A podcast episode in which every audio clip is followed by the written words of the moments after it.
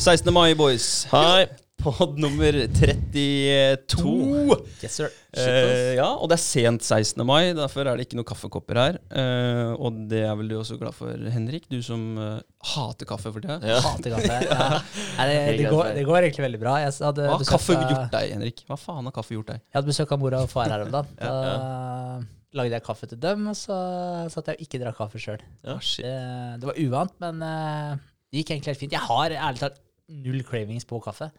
Ja, så Ja. de fem dagene, det var den verste, så hvor du hadde vondt i hodet? Ja, eller jeg hadde vondt i hodet fire dager, da. Så, Fire dager. Men det varte på en måte i fem dager. For første dagen så merka jeg egentlig ingenting. Nei. Altså, ja. Hvis du hadde fått eh, besøk da, av en, eh, av en uh, litt random person, da, Mm. ikke sant? en som bare hadde kommet for å ja, hjelpe, med hjelpe med noe, og du tilbyr kaffe, og så takker han ja, men så tar du vann til deg sjøl, Mm. tror du den personen hadde tenkt å ja? Eller bare reagert på en eller annen rar måte da, og ført litt på det? Tror du det? Eh, han hadde sikkert tatt som en selvfølge at jeg også skulle Ja, han hadde eh, det. kaffen. Ja, Ja, ja. Men eh, jeg tenker jo kanskje at han hadde tenkt sånn ah, så Sykt hyggelig, ja. Lagde kaffe til meg selv om han ikke var sjøl. Helt sikkert. Ja, Det Ja, jeg tenkt, i hvert fall. Fordi vanligvis er det sånn derre eh, Ja, hvis du skal ha Ja. Ikke Ja, sant? ja. For du vil ikke være til bry. da. Ingen vil være til bry noen gang. Så jeg tenker kanskje at det bare hadde vært hyggelig. hyggelig. Mm. Ja, men eh, Ja. fett. Ellers eh, så har det gått greit, eller? For du har jo dietert, du også. Ja, Ja. Det, ja det går kjempebra. Ja. Gjør det. Så huden begynner å klarne opp litt. Og Det er Ja. nice. Åssen går det med deg, André? Ja, jeg har hatt en eh, tøff, en tøff tid jeg nå, de siste dagene. Vi kan jo Jeg, jeg, kan, jeg gønner bare på, jeg, med uka mi. Ja. Gjør det. Eh, hvis det er lugnt. Kjør. Fordi um, det er jo en del av uka. Eh, dietten kommer til å være en del av uka i Det er fire uker til, nesten. Ja, Og det var, én måned i forgårs. ja, to uker i hvert fall. Ja, det var én måned igjen. Yes, Ja, i ok. forgårs. Ja, Ja, ja, så det er sånn, ja. eh, fire uker til cirka, da. Mm. Ehm, så Men nå går jo tankene sånn at der, eh, det er i hvert fall ikke noe vits i å gi opp nå. Når man har kjørt løpet 14 dager og motstått, motstått alle fristelser i 14 dager. Nei. Ehm, men jeg må si det at det var tøft nå, nå denne uka her. Ehm, eller på slutten av uka.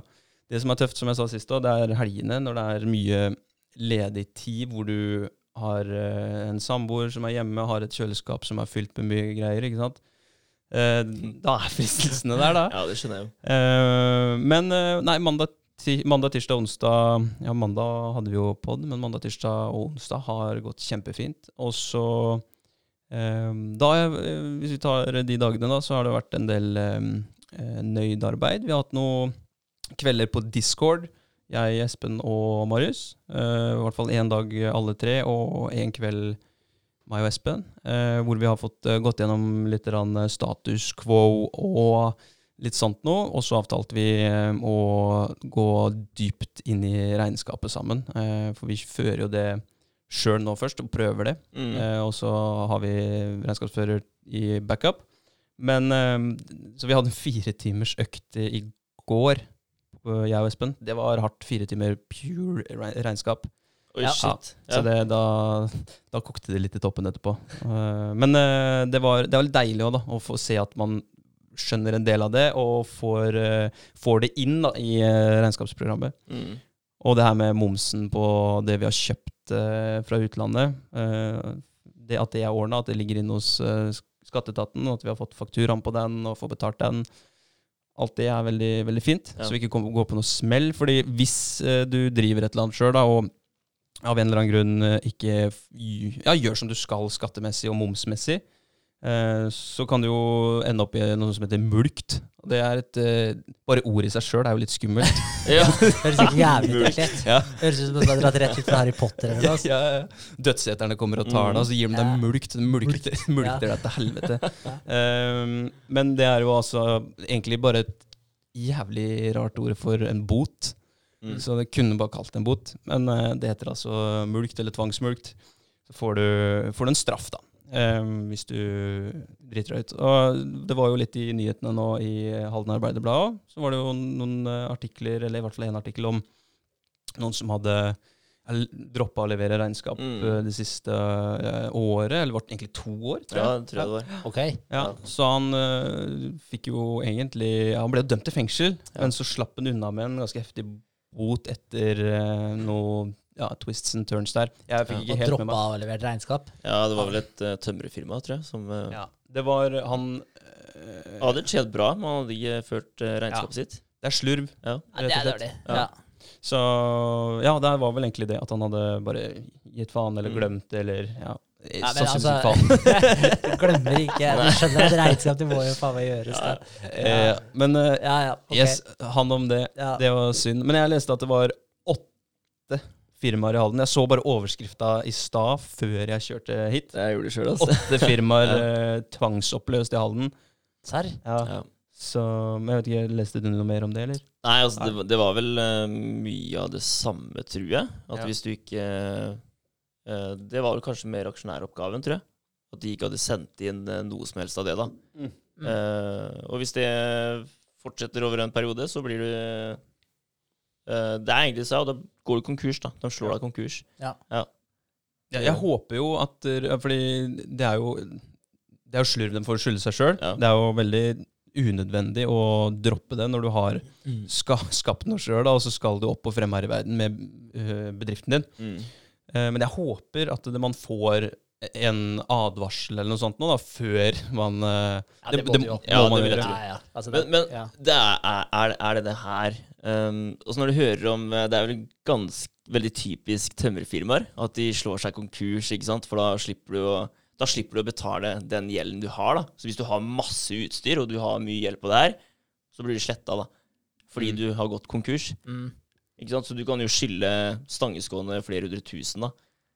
Og så går du konkurs, og slipper du å betale det her, da. Men da har du i hvert fall brent en bro til stangen. Ja, da får du ikke handle stang, stangeskåene lenger. Men eh, ja, det er jo en måte å eh, ja, typ vinne på, da. Hvis du vil se det på det fra den vinkelen, liksom. Ja. Ja. Ja, det er jo bilfirmaer òg. Det er mange som uh, slår seg sjøl konkurs og åpner opp igjen. Kebabsjapper. ja. X antall øh, her i Halden som har øh, stengt og åpna opp igjen. Ja. Uh, så det, det er, jeg kan ikke helt prosessen på det. Men Nei. når du er konkurs, så betyr det at du ikke har hatt uh, likviditet. Du har ikke hatt uh, råd til å betale regningene dine. Mm. Og så Alt det du eier, blir jo da eh, ikke ditt lenger, holdt jeg på å si. Det blir en del av et konkursbo som noen tar ansvar for, og prøver å skvise mest mulig penger ut av verdien til konkursboet. da, Mm. Inventaret ditt og maskinen dine og sånt noe. Og så, når det er oppgjort, så sitter man som regel igjen med mer gjeld. Fordi verdiene er jo ikke like mye verdt i dag, og så har man sannsynligvis mer gjeld. Men den gjelda der vet jeg ikke hva som skjer med. Nei, ikke. Om den bare slettes, eller ja, Var ikke det litt av clouet med et ASA, At ikke du står personlig ansvarlig? Jo, jeg tror at det slettes. Ja. Det tror jeg. Uten å si noe sikkert. Men eh, jeg tror det er sånn der. Ja, jeg Ja. men jeg har ikke satt meg veldig inn i det. For jeg har ikke noen planer om å gå konkurs. Nei, så- men det høres veldig sprøtt ut, da. At Ja. du bare kan gjøre det, og så står det fritt til å starte opp igjen. Men jeg vet at det er noen som har noe som heter karenstid. ja. Eh, når du har gått konkurs en gang, Ja. så kan ikke du starte opp et nytt firma før det har gått så og så lang tid. OK. Ja. Det, og derfor så er det veldig mange firmaer som står på kona. Mm. Ikke sant. Ja. Mm. så, Det er skummelt for kona, da. Ja, det er skummelt for kona. Så, men eh, ja, da må man jo overbevise henne, da. Ja. Ja, men eh, ja, det er, det er jo kjipt da at det er så mange som har dritt seg ut, og jeg håper at det kommer warnings. Fordi det er masse å holde styr på når man har eh, et AS. Det er mange frister, spesielt når man er momspliktig. Da er det seks terminer med momsmelding, hvis ikke man, eller MVA-melding, hvis man ikke har eh, en vesentlig omsetning eh, som gjør at du kan levere én gang i året. Og det er, eh, ja, det er ikke bare det. Det er veldig mange andre ting. Skattemeldinger og Mm. så det hadde vært fint av Skatteetaten hvis jeg glemmer noe, eller Henrik og Vegard glemmer noe, at dere ringer oss eller sender et brev. ja, Ja. Ja. Det tror jeg man gjør. Men det er derfor det er litt kjekt å ha et uh, firma som man kan forholde seg til også, da. Ja. Spørre om litt eh, Regnskap og- ja, yes. tips og råd. Og, ja, ja. det er det. Helt riktig. Så at de kan uh, f.eks. ta seg av den eh, aksjonærregisteroppgaven og sende inn det, og sånn, sånn at det blir riktig. da. Helt klart. Men uh, allikevel, det var faktisk noe feil som hadde skjedd på min. For der sto det feil i forhold til Det sto at jeg hadde gevinst på aksjer i Nutrihorse. Jeg solgte jo det over til uh, holdningsselskapet. Mm. Men jeg har, ikke noe, jeg har ikke noe gevinst på det. Så, Mm. så det sto det i skattemeldinga. Så, så hvis ikke jeg hadde sjekka den og gått gjennom det, så hadde jeg fått en skikkelig baksmell. Da, for det sto at jeg hadde 70 000 i gevinst. Ok, ja. Ja. Mm. Men, eh, men det fikk jeg retta opp i, da. Ja. Så da skulle han uh, regnskapsføreren sjekke opp det også, da, i forhold til den aksjonærregisteroppgaven og det greiene her som har blitt sendt inn. Mm, Men, mm. uh, det måtte ha blitt noe kluss der. For den skattemeldinga som skal leveres nå 31. mai, den er for fjoråret, ikke sant? Ja. Ja. For det er derfor, jeg, for jeg har stussa på det. Jeg har liksom gått inn og sjekka skattemelding flere ganger nå. Bare faen, hvor er den? Eh, men så står det hos oss at vi ikke skal levere nå. Men det er fordi at Nøyd ble etablert da i januar i år. Ja, ja, Ja, ikke sant? ok. Så da er Ja. det ingenting på, på oss akkurat der. Nei. Eh, annet enn det um, Jo, det rant inn med bestillinger på Nøyd på onsdag. Ja. Så det var en hektisk dag på jobb. For jeg, jeg følte at jeg jobba 50% på Nøyd og 50 på Jensen og Sjele. Og så var jeg egentlig 100% på Jensen og Sjele.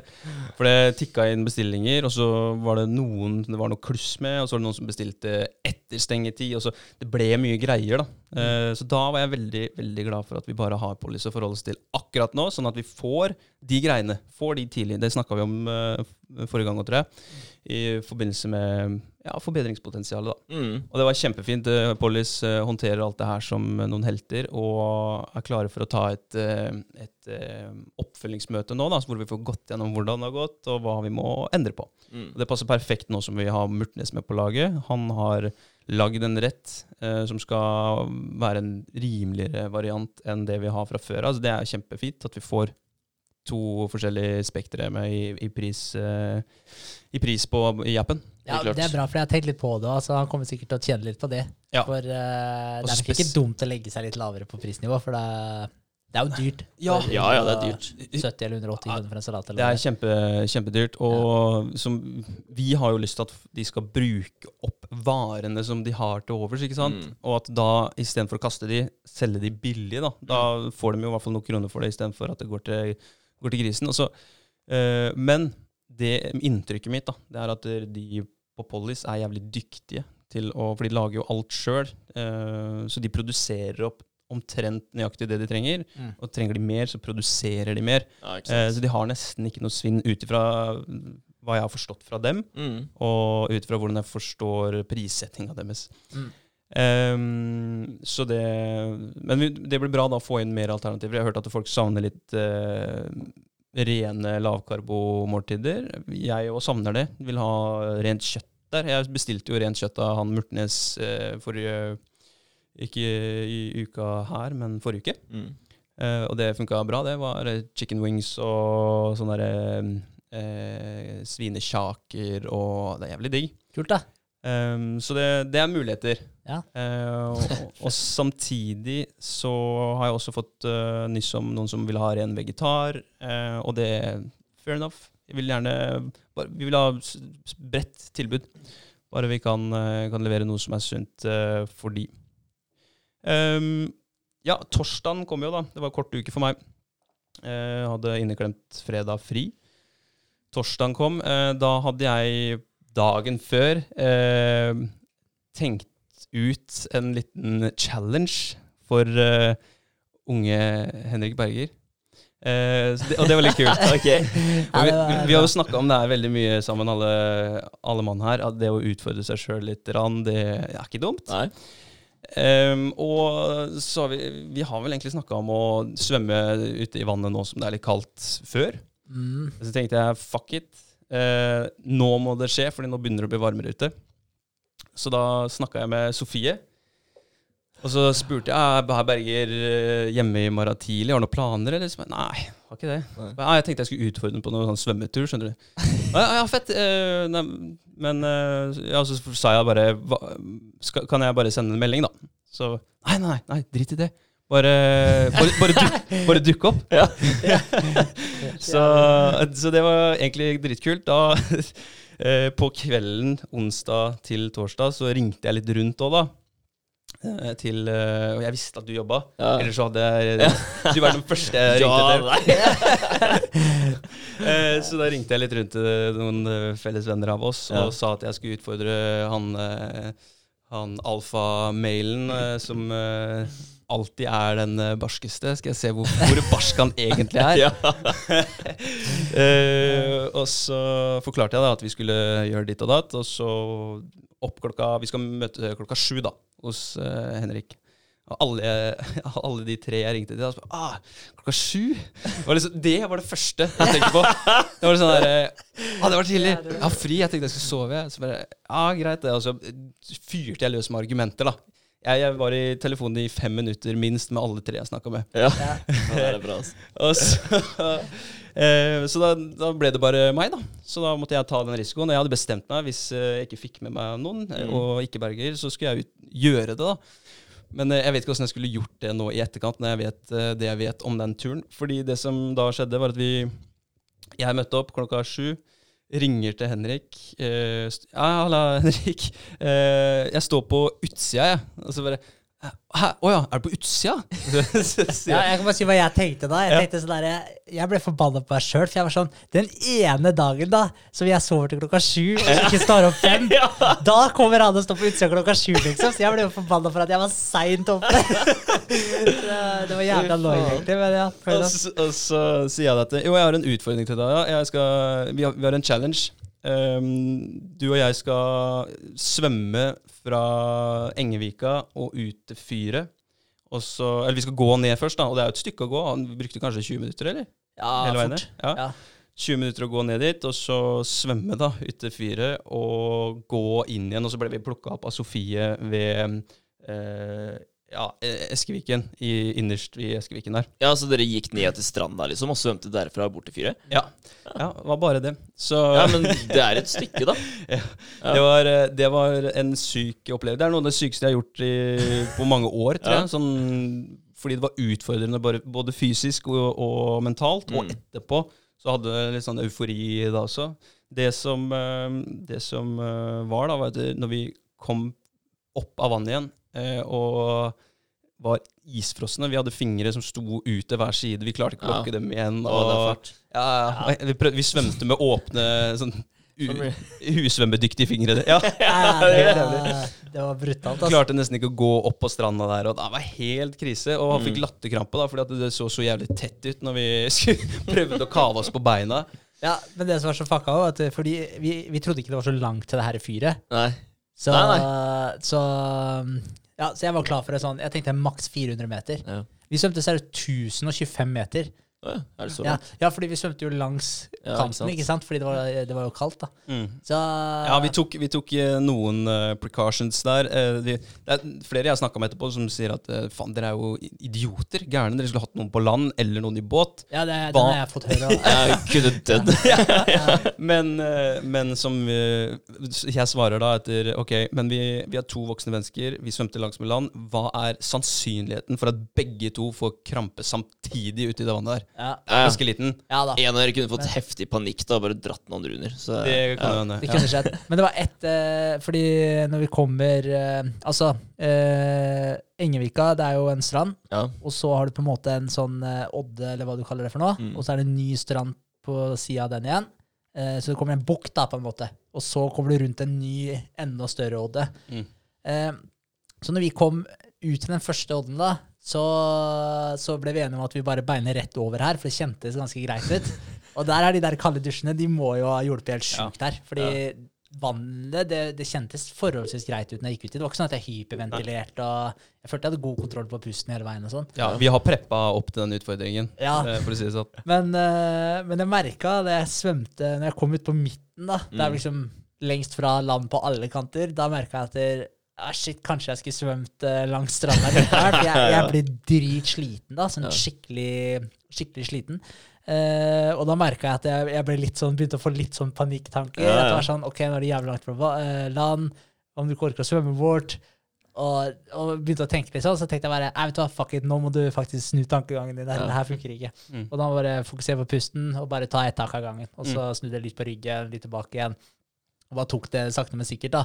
Og da gikk, det, da gikk det veldig greit. Men jeg så på klokka etterpå at vi hadde mye høyere frekvens, at vi svømte mye raskere i starten. Ja. ja. så jeg tror det var det som tok litt knekken på meg. da. Mm. For det er for sliten, rett og slett. Eh, men da vi kom over der, tok en kjapp pause inne bare akkurat på ja, dere tok en pause, altså. Ja, Ja. vi svømte inn på steinhellene og hvila armene litt. grann. Ja, og så svømte vi videre rundt. Men jeg trodde jo helt ærlig talt at når vi kom rundt den odden da, Mm. at da skulle vi se fyret. Det, det gjorde vi ikke. så da, så da ser vi en ny odde da, lenger frem der. Vi bare, Kødder du? Det var dritlangt. Ja, det var langt. Og så svømte vi rundt der, og så kom vi rundt den neste odden. da. Mm. Og da var det sånn derre Da ser du jo fyret, men da ser du hvor jævlig langt det er til fyret, og da var vi halvveis. Ja. Shit. Jeg bare fy faen. Og da, ja. Totalt sett, da, så var det var, Jeg vil tippe det var mellom åtte og ti grader i vannet. Ikke så, ikke så mye mer, i hvert fall. Eh, totalt sett så lo, var vi jo ute i vannet i 45 minutter. Ja. Så det er ganske ja, lenge. Det er lenge, ass. Ja, Det er det. Det er sånn her til slutt så Og så endte det med, endte det med at dere måtte svømme knokene, eller? Nei da. måtte, hadde dere fingrene ute? Jeg hadde fire, fire, fire, liksom? fire fingre. Ja. Lillefingre. Jeg sto ut til hver side. ja, samme her. Ja. Jeg hadde sånn eh, litt sånn pride-finger Ja. på begge hendene. Fint, Ja, ja. Ja. ja, det var sjukt. Shit. Nei, så det var, det var en hardcore utfordring, og det fikk jo, det fikk jo noen etter... Eller hva heter det? Sånn eh, after, after effects. Ja. Noen, eh, vi fikk en aftermath etterpå. Det gjorde vi. Men før det, da når vi kom opp på stranda der Ja. For det var en sjuk Sånn kroppen, den bare Den bare skjøtta ned, liksom. Da, når du skulle, når du skulle klatt, liksom, gå på stranda og reise deg opp. Ja. Ja. Begge to bare kollapsa, liksom. Kroppen ville ikke bære deg lenger, da. Det er sjukt at dere ikke filma det her, da. Ja. Hæ? Hva faen? Altså, det her burde vi jo lagt ut. Ja. Ja. André sa det når vi sto på stranda. Faen, vi skulle hatt med GoPro-en på det her. Ja. Jeg bare, dude. Vi skulle hatt med hele veien fra Ja. vi gikk ut døra, og så kunne vi bare speeda opp. Ja. Sånn vi hele, hele, Ja, det var dritfett, faktisk. Ja. Hele turen. ja, Men det verste med hele jævla challengen var gåturen fra stranda der Ja. Ja. og tilbake igjen. Ja, fordi det, det var kanskje mm, nesten en kilometer. Nei, jo. Jo, sikkert. Jo, det er brått, tror jeg. det. Ja. Ja. Så en kilometer hvor du går som om noen har stukket noe langt opp i endetarmen din. Ja. Sånn hjulbeint. Og med, jeg, jeg følte at jeg gikk med armene foran meg og stive som fy. da Akkurat som du hadde på deg svære sleeves eller et eller annet. Det var helt jævlig. Ja, du vet sånn der før, sånn i filmer og sånn, når ting, du har liksom et veldig lite fokusfelt, så alt rundt er bare blurry. skjønner du hva jeg mener? Sånn følte jeg det. At det bare, alt, Fokuset mitt var på stien, liksom. Jeg bare dreit i alt annet rundt Ett steg av gangen. Ja, ja. Neste, neste, så kom det en sånn stokk som jeg skulle gå over, og så jeg klarte så vidt å løfte beina over den. Kroppen var helt ferdig. Altså. tunnelsyn, altså. Ja. Og det var shivra som helvete da når vi kom fram til bilen og skulle skifte. Uh, vi hadde jo tørre klær og håndkle og sånn i bilen til Sofie. Ja. Men det var, eh, det var også tøft å få av seg klærne. og Alt er jo helt stivt, og du står bare og rister. ja, det var, det var helt sjukt. Altså. Men uh, det som er kult med det her, da, det, det er jo at det, det gir jo mersmak. Ja, utrolig nok. Utrolig nok. Ja. Ja, og det er, det er jo som vi har snakka om så mange ganger før, da, at det her må til i, i livet. Så jeg har skrevet noen tanker rundt det greiene her. Um, og det var litt morsomt, fordi når vi sto på stranda og skulle til å svømme, så sto vi og pusta litt, og så plutselig kommer det en fyr gående bak i skogen. Og det er jo da faren til eh, en kompis av oss, Sebastian eh, Ja. Damgaard. Remi Ja, eh, kom gående der. Og det passa så jævlig bra, da, fordi da spurte han hva vi skulle. Og så sier vi nei, nei, vi skal bare svømme til fyret, vi. Så bare Ja, dere skal bare svømme i dyret!» Ja, vi tenkte, det er ikke så langt, liksom. Eh, men uansett, det som var dritkult, var at vi forklarte jo hva greia var, at vi skulle utfordre oss sjøl litt. Da. Og så kommer han og bygger opp under hele den greia her, med hvordan han ja, han, han, For det første da, så utfordrer han seg sjøl veldig mye med å hoppe ut fra fly og, og gjort det til en vane. Han har, og det er ganske sjukt å si, at du er vant med å hoppe ut av et fly og så strekke ut armene, for han kjører jo sånn fla- eh, wingsuit. ja. Og så- Altså, han har vel rekord på hastighet, har han ikke? Jo, jeg tror det. 225 eller noe sånt nå. Jeg vet ikke. Ja, jeg tror det er han- mer, ass. Jeg tror han er norgesmester. Ja. Norgesmester. Ja, jeg tror, tror kanskje han Jeg vet ikke om han Han er vel oppe og hevder Jeg vet ikke om han er i verdensklassen, jeg, eller Ja. er Jeg vet ikke, jeg vet ikke helt åssen det er. Der skal vi eh, søke opp. Ja, det Ja, vi ja. Ja, Eh, det kan vi vi skal jo si. kanskje ha han her eh, en eller annen gang òg, for han Ja. var down for å være gjest. Ok. Det er jo dritkult. Ja. Shit. Ja, det er Snakke litt om det her, da, for han starta faktisk da han var 50 år gammel. da Ja. Riktig 50-årspresang. Ja. Og så nå har han bare begynt å klatre på rankings, liksom. aldri, Det. Det er aldri for sent.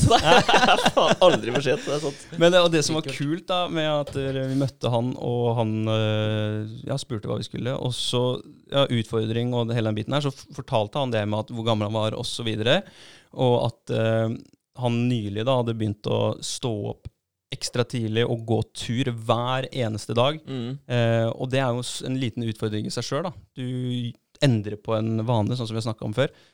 Eh, og det har forandra livet hans. Og han føler seg som han var i 20-åra igjen. Nei, ikke sant. Eh, Shit.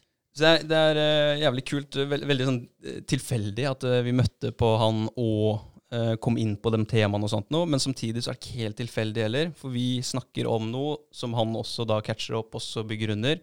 Så det, det er kult. Dere blir jævlig hypa opp, da. Ja. Før, eh, før svømmeturen. Ja, ja, Ja da, det var, eh, det var bra, det. Jeg kunne i hvert fall ikke snu når han sto og så på han, for han så på takeoffen vår, på en måte. Ja. Ja. Det er sjukt imponerende. Altså, jeg husker eh, at jeg svømte på Yststedet. Eh, fra den stranda eh, der og over til den flytebrygga på andre sida. Mm. Hvis dere vet hvor jeg mener nå? Ja, Ja. Ja, du var med. Du svømte Ja, ja, med, med bikkja. ja. Ja. Jeg ble, jeg ble sliten på den oh, ja, eh, der, turen Ja, der. ja, det var det syns jeg, ja. var, eh, det jeg var tungt, Da liksom. fikk Ja. jeg også litt angst en periode der, fordi Ja. det var ganske langt, og jeg visste ikke om bikkja klarte å svømme så langt. Nei. Og den bikkja skulle jo alltid oppå eh, en av oss for Ja. å hvile, eller hva faen. Så vi ble jo dratt under av den bikkja, ikke sant. Ja. For altså, ja, nei, men det var, det var også eh, ganske sykt. Eh, ja, utfordring. Eh, hvorfor eh, skal man utfordre seg sjøl? Hvorfor skal du utfordre deg selv? Mm. Vi har jo snakka litt innom det. Jeg tenkte vi skulle bare eh, gå litt dypere inn i det. Ja. Eh, starte med en quote som jeg, jeg, jeg titta litt på en TED-talk om en eh, taiwansk eh, gutt som, eh, som eh, har utfordra seg sjøl opp igjennom, og snakke litt om viktigheten rundt det. Jeg tok med en quote derifra han, eh, som han hadde hørt fra sin familie. Det er en tai et taiwansk ordtak som heter 'Ingenting av verdi kommer fort eller enkelt'. Mm. Dryppende vann kan en dag ødelegge en stein. Mm. Um, og det er litt med det å, å gjøre ting, bare få ting gjort, og, det, å, å utfordre seg sjøl sakte, men sikkert, eller med en liten ny ting her og der. Uh, for uh, hvis dere tenker tilbake til, eh, til barndommen deres, ehm, gjorde dere mye mer sprøtta enn det dere gjør i dag? Mm. Jeg vil jo si Ja, ganske 100%. åpenbart. Ja, altså, ja, når vi var små, så gjorde vi jo mye rart hele tiden. Ikke sant? Gjorde vi jo. Og det er ikke nødvendigvis eh, sånn at dere eh, er så, var så mye sterkere eller var mye mer fleksible. Kanskje litt mer fleksi, fleksible, for vi blir jo stivere med åra, både i skjelett og i, i muskulatur. Ja. Men det er ikke sånn at de fysiske, eh, det fysiske grunnlaget deres eller egenskapene deres var så mye bedre da. Det er vel hele sperren i huet, vel, Yes. som, eh, som kicker inn. Mm. Ja, vi tenkte at det, eh, det går bra. Alt går bra. Altså, Du kunne jo tryne sykkelen i en heftig hastighet, og du rulla rundt på bakken, men det gikk bra. Ja. Ikke sant? Hadde jeg gjort det i dag, så hadde jeg dødd. Det er jeg Ja. sikker på. Ja. Ja, ja, men det er, det er noe med det. Altså, du gutsa litt mer, da. Turte litt mer. Og, og det å identifisere seg som et barn og en ungdom er jo litt der med å utfordre seg sjøl og regler og hele den biten der. Uh, og det vi begynner med når vi blir eldre, det er jo å spille korta tryggere hele tiden. Og velge de, de lette utveiene og inngangene til ting.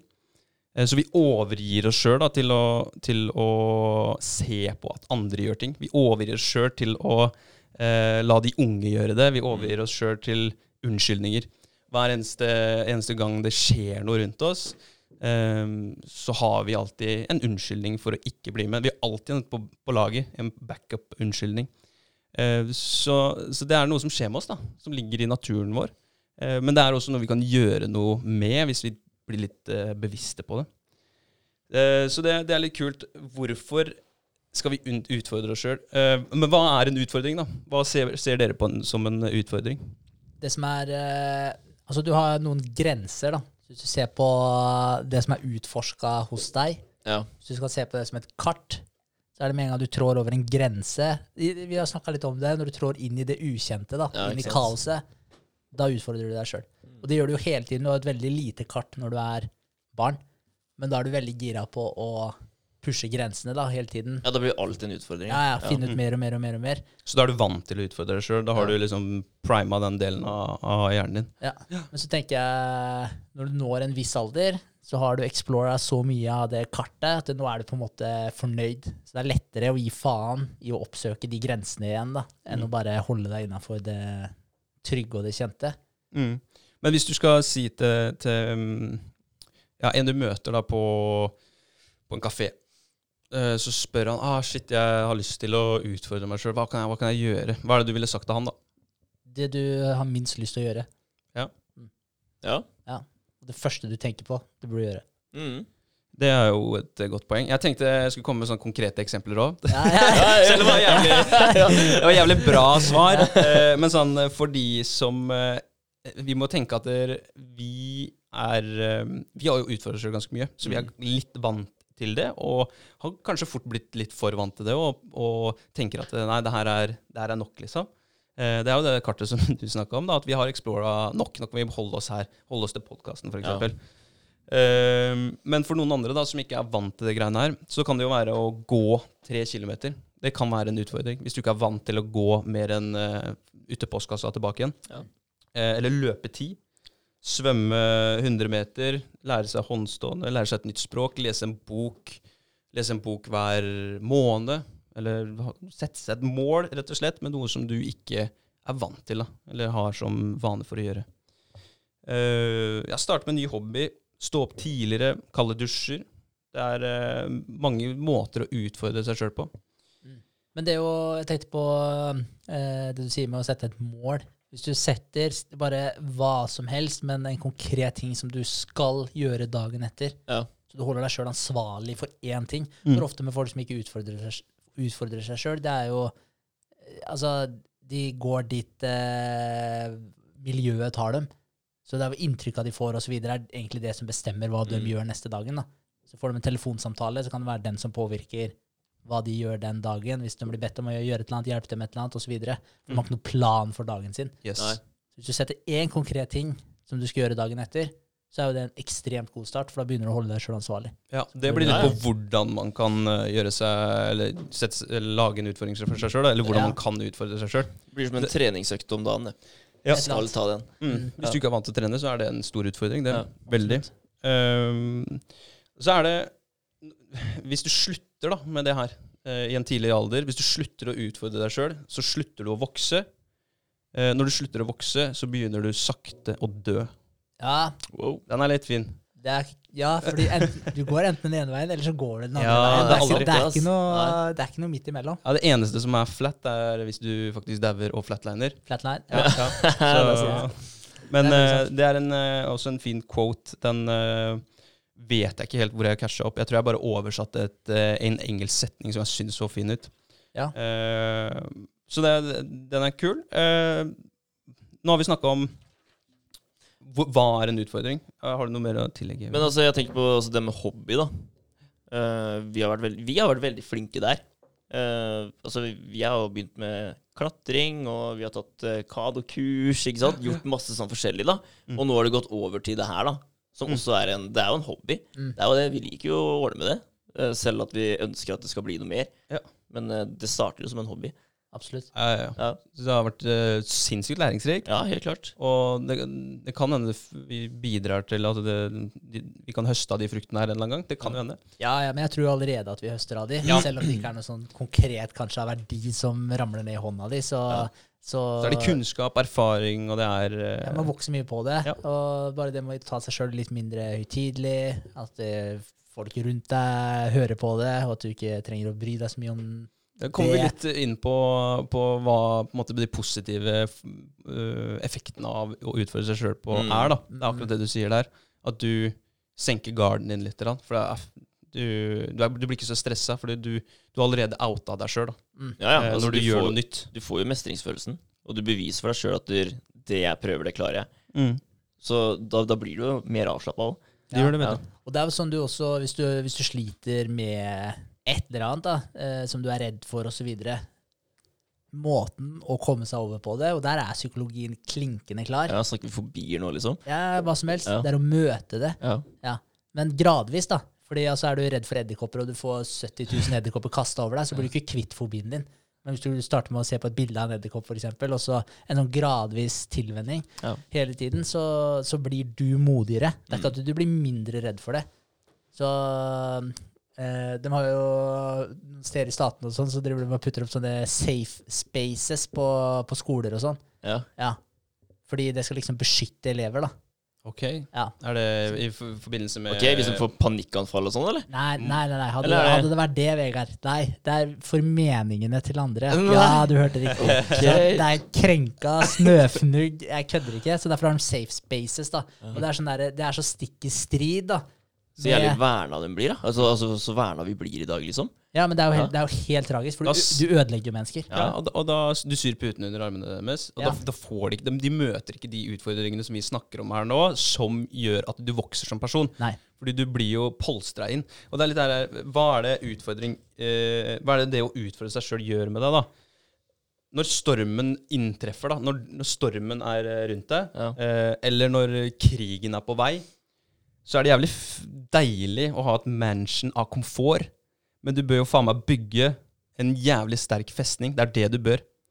Det kan være kjempefint å ha en svær jævla mansion med masse puter rundt seg, og sånt, nå, men du bør bygge den sinnssykt sterke festningen som tåler stormen, som tåler de der ninja-zombiekrigerne som kommer når apokalypsen inntreffer. Ja. Eh, og det er jo det du gjør da, når du utfordrer deg sjøl. Ja. bygger den festningen rundt deg. Der er det også et ja, Unnskyld. Med. Ja, ja, ja, men det går Ja. fint. Så der, der kommer det der eh, med selvbilde, selvtillit, eh, at du mestrer noe, og det overføres da til alt annet man gjør. Mm. Vær så god. Ja, for der er jeg en eh, bra, et bra sitat også. Eh, det er bedre å være en kriger i en hage enn en gartner i en krig. Ja. Ikke sant? Så Da er det du akkurat, klar. Ja, det er akkurat Ja. det du sier. Mm. Bygg deg opp, forbered deg på det verste. Og skjer det aldri, så er det good. Mm. Mm. Men da er du i hvert fall forberedt hvis det skulle skje. Ja. Og det kommer til å komme en eller annen storm. Alle opplever stormer en eller annen gang i Ja. livet. En storm kan være et um, ja, dødsfall i familien. Det kan være at noen mister jobben. Det kan være Det kan være økonomisk. Ja. Økonomisk. Altså, se nå, da. Markedet begynner å gå dårlig allerede, ikke sant? Mm. Så, altså børsen. Så det kommer til å bli litt dårligere tider, og da er det viktig å være klar. Mm. Ja. Og ha en buffer. Ikke Så ja, det er en måte å gjøre det på. Det er en måte å bygge opp festningen sin på. Ha den bufferen. Eh, og selvfølgelig da sette seg ned og tenke over hva som skjer hvis det skjer noe. At du, Mm. du gjør deg klar for det. Um, en annen ting da med en utfordring, det er at vi har snakka om både fysiske og psykiske utfordringer. Uh, og det kan være Hvis vi fokuserer på det fysiske Nei, men samtidig, samtidig det psykiske eller mentale, Uh, så har du jo en, hel, helsemessig, en helsemessig gevinst da, utbytte. uh, Hvis utfordringen er å gjøre noe mer ah, fysisk aktivt, så er det jo på en måte Du skal være ganske nesenødd for å ikke vite at du blir bedre fysisk av å gjøre noe fysisk aktivt, for å si det sånn. Uh, og det samme med mentale utfordringer. Lære seg et nytt språk. Det er også både fysisk og en mental uh, helsemessig gevinst. Ja. Du, du primer jo da hjernen din, og når du, når du lærer deg noe nytt, uh, nytt språk eller en ny hobby, eller hva det måtte være, og så primer du kroppen din da, hvis du gjør noe eh, ja, Lærer deg å gå på hendene, eller hva det måtte være. Mm. Eh, Så det helsemessige aspektet er jo med på, med på det å bygge festningen sin. eh, Og, og bygge motstand til eh, aldringsprosessen. Mm. For det er jo også en ting, da, hvis du Som, som det ordtaket jeg leste i stad, om at du når du ikke vokser, så går du andre veien. Og det er jo sånn for hvert eneste minutt vi lever, så blir vi jo eldre. Og for hvert eneste minutt vi lever, eh, så har vi muligheten til å bremse aldringsprosessen. Ikke sant? Det er, eh, hvis vi sitter på sofaen hjemme og spiser chips, eh, røyker sigaretter, drikker øl, så kan du banne på at du ikke blir så mye eldre enn det en som gjør det motsatte, blir, da. Sånn som Remi, som vi snakket om, han hadde et mål om å bli 105, fordi det var en annen i familien hans som hadde blitt 104. 103. Ja, ikke sant? 103, var det det? Ja. ja. Ja, ja, men eh, jeg har jo sett, eh, sett eh, Eller lest om eldre menn og damer da, som er, har runda 100, da. Mm. Og liksom spør jeg, altså, hva er liksom Hemmeligheten. hemmeligheten din, ja? Jeg drikker et glass vodka om dagen, ikke sant, så får du den, da. Og bare sånn ah, ja. Ja. Ja, det er noen slutt som å ha sex, liksom. Og bare, så, ja, Ja. ting som det, da. Så ja, det er noen som overlever uansett, altså. Altså Det skal sies at det genetiske grunnlaget også, altså DNA-et ditt, er også med på å avgjøre hvor gammel du blir. Men, Åpenbart, men du men kan- du kan, forlenge det, da. Du kan bli eldre enn det du egentlig skulle blitt. Det er litt kulere å være han gamle callen som klarer å hoppe da, når han er 80, kontra han fyren som sitter i Eller går med rullator. Ja. Så det er litt forskjell der òg. Ja. Det er forskjell, ja. Ja. Det er liksom ikke, det er ikke bare anbefalt å være fysisk aktiv. Eh, Det er faktisk eh, en nødvendighet hvis du skal ha et langt og godt liv. Mm. Ja, men ikke bare det. eh, Det mentale òg. Altså fysisk Altså trening, det senker aldringsprosessen av hjernen din. ja, ok. Ja, ja, men sånn helt, helt serr. Det Ja. også er klinkende klart. Det er, eh, det er masse, masse effekter av å trene. Du utskiller jo mange hormoner i, kroppen som du ikke kan uttale engang. Hver gang du utfordrer eller anstrenger deg. Mm. Ja. Så det er kult. Det, det som også er en annen eh, god side-effekt av å utfordre seg sjøl, er at du, du blir jo bedre kjent med deg sjøl òg. Du vokser inn i din egen personlighet. Eh, for det du, du undersøker kriker og kroker av deg sjøl som du ellers ikke ville gjort. Så du blir faktisk litt bedre kjent med deg sjøl, du eh, klarer å eh, kjenne igjen kroppen din hvis du gjør noe fysisk anstrengende da, i, eh, i et utfordringsperspektiv, så vil du jo kjenne igjen eh, fatiguen når den inntreffer. Du vil jo kjenne igjen eh, den mentale sperren din når den inntreffer, og så vil du kanskje flytte den da hver gang du, du gjør det greiene her. Mm. Eh, så det er lære deg sjøl å kjenne er også et veldig godt poeng. Ja, men det er det jo virkelig. For uh, ofte så blir man uh, Så får man noen sånne nudges uh, av de du kjenner, og familie, skole osv. Uh, hvor du får en input om et eller annet, og så tenker du ah, det kunne vært kult. Og så tester du det fordi en eller annen du kjenner har testa det, syns det var kult, det høres interessant ut. Men, men du aktivt oppsøker det ikke. De tinga kommer til deg. Ofte Ja. så er det kun de tinga man prøver på. Mm. Så Derfor er det veldig viktig å være bevisst på den, at du faktisk går ut der og søker etter ting. For du kan tenke deg Hvis det, hvis det er ti ting da, som blir presentert til deg, og så fant du ut at du kanskje likte én av de, to av de, eller kanskje ingen av de, og så kunne du vært ute der og oppsøkt 100 ting, og så hadde du kanskje funnet ti ting som du elska, Ja, ja, ja, mye bedre. Ja, som ble deg. Mm. Mm. Shit. Det er uh, et Ja, godt poeng. Ja. Det er absolutt. Ta, det er litt det som står på neste liste her, å ta kontroll. Mm. Mm. For det er jo det, akkurat det du sier. At du, du tar et bevisst valg om å prøve noe nytt, eh, og går i en retning du ellers ikke ville gått i. Og det bygger opp under det å kjenne seg sjøl. Vit at du gjorde ditt beste, eh, og det har vi også snakka om mye før, da. Eh, du skal unngå det å etter å ha gjort en ting som er nytt for deg, eller som du gjør eh, bestandig, så skal du unngå etterpå å si at det kunne jeg gjort bedre, eller det skulle jeg ønske jeg gjorde bedre. Mm. Og det samme det når vi ligger på dødsleiet alle mann, så er det det siste vi har lyst til å si til oss sjøl. Eller det er i hvert fall ikke eh, og Jeg skulle ønske jeg hadde gjort det. Å sitte og angre på ting man ikke gjorde, Nei. da. Det er jeg helt enig. Eh, og det er også det med å utfordre seg sjøl i løpet av livet, da. Ja, og det er casen, da, bare så det er sagt, akkurat det du sier der. Det er det folk sier, sånn helt serr, for det har de også gjort research på. Eh, hva er det folk angrer på når de ligger på dødsleiet? Ja. Og det er akkurat det du sier der, André. Mm. Det er at de angrer på de tinga de ikke gjorde. Og det, det må jo være noe av det fæleste man sitter og tenker da, når man vet man Ja. man skal dø. Du har ikke Ja. tid, Nei, rett og slett. Du har ikke mulighet. Nei. Så det, det skal vi unngå, og hvis vi da kan unngå det med å utfordre oss sjøl jevnlig, så får vi et veldig rikt liv. Da, så slipper vi å si det til oss sjøl. Ja. Samtidig, når du utfordrer deg sjøl, så, så vil du automatisk eh, bli litt gladere, fordi du får den mestringsfølelsen, du bygger den selvtilliten. Eh, så du vil jo være en person som kommer med brystet opp og fram eh, oftere Mm. enn eh, det omvendte, som en potetsekk. Positivitet blir et, eh, et eh, ord som omfavner deg, og den positiviteten deler du med andre. Eh, og spesielt hvis du utfordrer ja, Sånn som når vi utfordrer oss sammen, Mm. så blir det også en, et bånd der da, som man eh, kan ta vare på. Og så kan man dele den positiviteten med andre. Eh, for du blir glad for at du, du gjorde det, som regel. Det er, det veldig sjeldent man utfordrer seg sjøl, og så kommer man ut på andre sida og bare Fader, det skal jeg aldri gjort. Ja. Det, jeg, jeg kan ikke huske jeg gjorde det, eh, eller har gjort det. Og så er man stolt, Ja. og det er også smittsomt. At Ja. man, eh, når man er glad og stolt. Ja. Så. Med mindre du er med noen som aldri er glad og stolt, for da hater de deg. Ja, det er sant. Men da får du bare gjøre det, fordi du har bygd slottet rundt deg. Du har starta å bygge det. Så det de sier, eller den måten de oppfører seg på, det preller av. Helt klart. Ikke sant? Ja, ja. Du trenger ikke den, den personen, da. Altså. Nei, Nei. nei, det er faktisk noe med det. Ja. Så du går og representerer alt de egentlig vet innerst inne at de kanskje burde ha gjort. Ja, ja. er Det er en snev av sjalusi, som vi eh, også har vært inne på. Ja. Det er, og dem har vi ikke lyst til å snakke med, de som eh, ikke kan være glad på andres vegne. Nei. Eh, nye utfordringer eh, og opplevelser, det endrer hjernen din. Eh, du blir mer tilpasningsdyktig.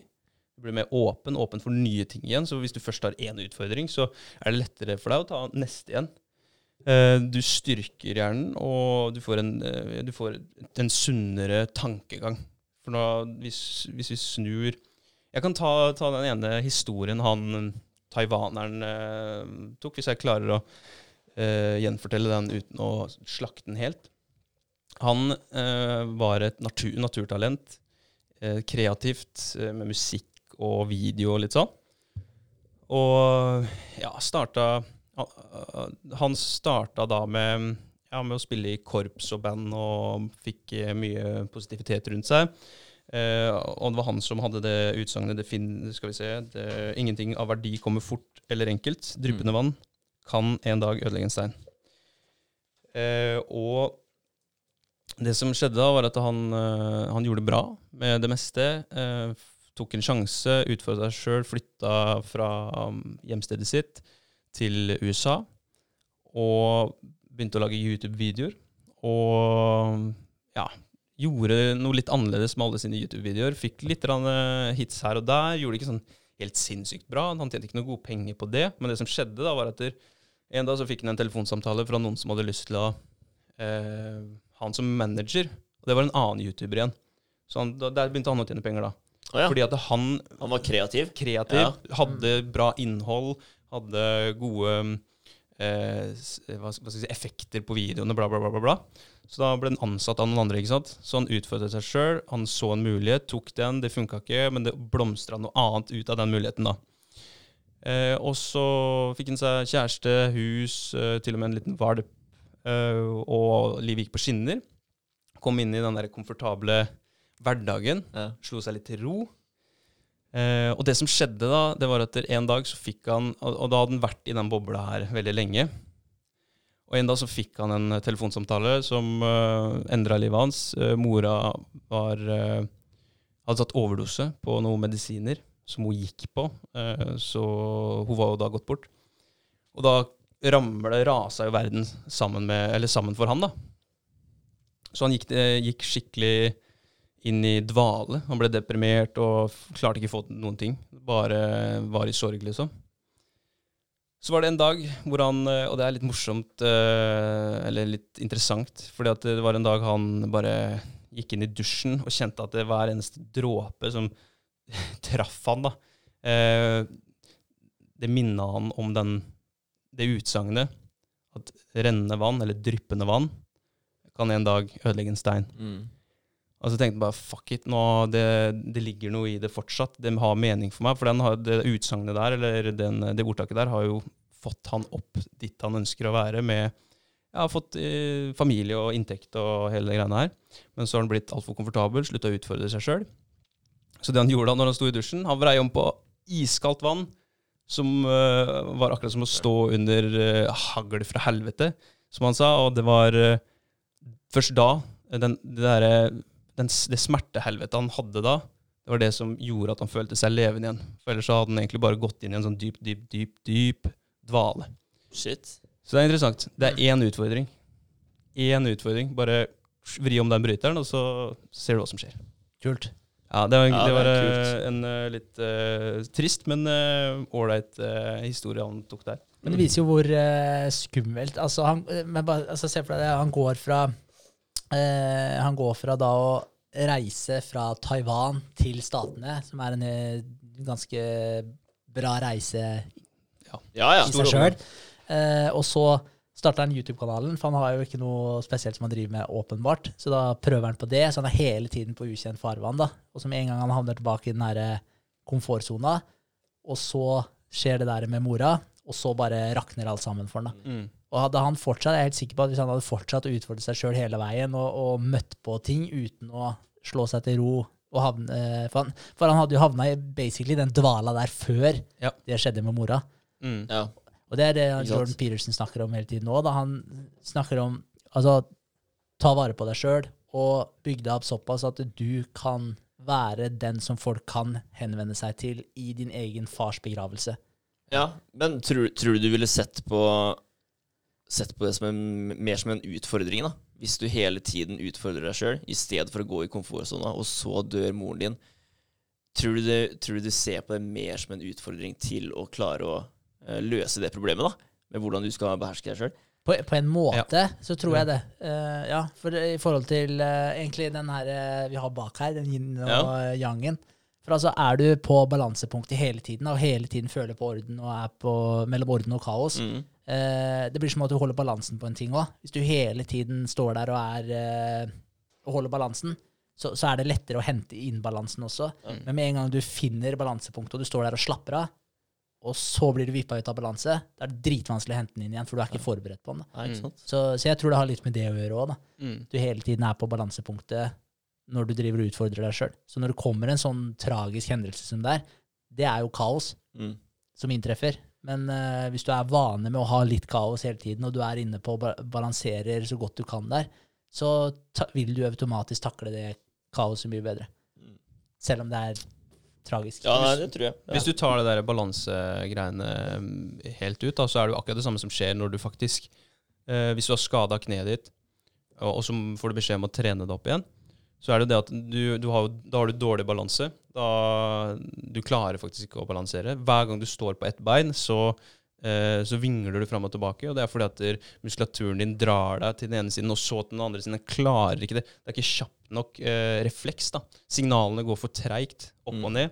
Så du klarer ikke å finne balansepunktet. Men så hvis du har stått der og balansert i en evighet, og hele tiden da vet at det, ok, det er sånn cirka her vi skal være, og da legge på f.eks. kilo eller utfordre det enda mer hver gang du kjenner at du begynner å nærme deg og finne balansen, da. Det er da du, du blir bedre, og du hele tiden er klar for å miste balansen. Mm. Eh, hver gang du mister balansen, er da du eh, gjør en ekstra repetisjon for å få bedre balanse. Det er Ja. jo egentlig det. Så hver gang du tar den utfordringen, da, så får du den dytten til siden, som du sier, da, enten over til orden eller til kaos. Og så må du hente deg inn igjen. Så det er sunt. Sunt å hente seg inn igjen. Ja, Helt klart. Um, ja, vi var på nye utfordringer um, og endringer i hjernen. Uh, tilpasningsdyktig blir vi jo. Utvidelse av komfortsonen, det er uh, også det her med å se nye muligheter. Når vi har gjort én ny ting, tatt én ny utfordring inn og mestra den, så er det lettere for oss, vi har åpna rullegardina litt, til å se en ny mulighet. Det blir litt sånn som ehm, YouTube for oss, da. At, eh, og nå har vi på en måte blotta oss for omverdenen, og så kan vi kanskje klare å se nye, nye ting på YouTube. Vi kan utfordre oss sjøl enda mer i den retningen, eller via podkasten, eller via ja, et eller annet. Så vi, vi, har, vi har tatt det ene steget, så nå bør vi klare å se andre ting vi kan dra med oss, da. Ja, ja. Altså, det begynner å bli litt komfortsonen, liksom. Ikke sant? Ja, rett og slett. Ja, ja, men det, det gjør jo det. Ja. Så vi, så vi må se etter det der, et nytt uh, leap of faith, egentlig. Et nytt uh, sånn uh, moment inn i hverdagen. Du tør å åpne flere dører, eh, og det kan være livsendrende. Og så kan du, hvis du er skikkelig uheldig, så kan du møte nye, interessante mennesker. Eh, og da mener jeg heldig, da, ikke Mm. uheldig. Ok? Mm. Det er egentlig det jeg ville snakke litt om med dere i dag. Ja. På bakgrunn av at vi utfordra hverandre da på torsdag, og fordi vi snakka med Remi, så har den her ligget og surra litt. Hvorfor vil vi, og hvorfor skal vi, hvorfor bør vi utfordre oss sjøl og hverandre? Så mm, jeg har lyst til å sette i gang eh, og bare sette en dato for neste utfordring. Ja, ja. Altså, jeg er nødt til å være med på neste utfordring. ja, det må Ja. du. Men jeg har ikke hørt om det her engang. Bare jobba. Ja, sånn er det, altså. Det, det, det tenkte jeg litt på etterpå. Det er jo litt synd, liksom. Fordi de fleste andre som gjør noe sånt som det her, de hadde jo lett lagt ut på sosiale medier og snakka om det i bøtter og spann. Ja. Men eh, det har vært veldig under radaren. du drar radaren. Men det er litt deilig òg. Det er litt kult, ja. Jeg syns det er litt deilig. For jeg hørte en, eh, eh, en fyr som sa at hvis du gjør en, uh, um, uh, Hva skal jeg si Hvis du gjør en god handling, da eh, Jeg tror kanskje det var en stoiker, en av de der stoikerne eller noe sånt, okay. eh, som sa at en god handling slutter å være god når du forteller noen om den. Ja. Og et- det, akkurat det tenkte jeg på i stad, faktisk. Vi var ute og gikk tur. Eller vi løp litt, grann, og jeg gikk forbi det, det var en del biler på parkeringsplassen da, der er på Venås. Um, og så gikk vi forbi Først gikk Kristin og med bikkja, og så gikk jeg etterpå. Da gikk vi forbi et munnbind som lå på bakken. Ja. Og så gikk jeg sikkert to steg forbi, og så stoppa jeg. Og så snudde jeg meg, og så titta jeg ned på det munnbindet. Ja, der, ja. Der er det jævlig mange som har bare gått forbi. Og ikke godda og tatt opp. Liksom. Så da gikk jeg tilbake da tok jeg det opp, og så kasta jeg den nærmeste søppelkasse. Ja. Jeg trengte, jeg trengte jo ikke fortelle noen om det, men jeg måtte jo poengtere det til Kristin. da, Så bare, Så du det munnbindet der, eller? Du bare gikk forbi det. så der måtte jeg jo si det, da. Men tenk så mange som faktisk gjør det. Det er jo litt, uh, litt rart. Bare den Ja. ene lille tingen. Så jeg venter bare på at noe godt skal skje meg i kveld. da. Ja, Ja. Mm. det er bra. Karma. Ja, men det er, det er litt kult. Jeg har hørt at eh, karma at det kalles love comeback. Har dere hørt det? Nei. Love. Law comeback. Comeback. Comeback. Ja, Ja. Loven av comeback. Ja, ok. Det er det så det Ja, kult. fordi ja. hvis du har god karma, så får du tilbake igjen. Ja. Ja, du gainer på det. ja, så, det er det, så gjør du en god handling, da, så kommer det en eller annen god handling tilbake til deg. Ja, Og så videre hvis du gjør noe dritt. da. Jeg tror det er noe sannhet i det. Ja, så jeg liker å tro på den. det Ja. tror jeg. Vi, vi har vel egentlig vært inne på det veldig ofte. At eh, Smiler du til noen, da, så smiler de gjerne tilbake igjen. Kanskje de begynner å snakke med deg neste gang.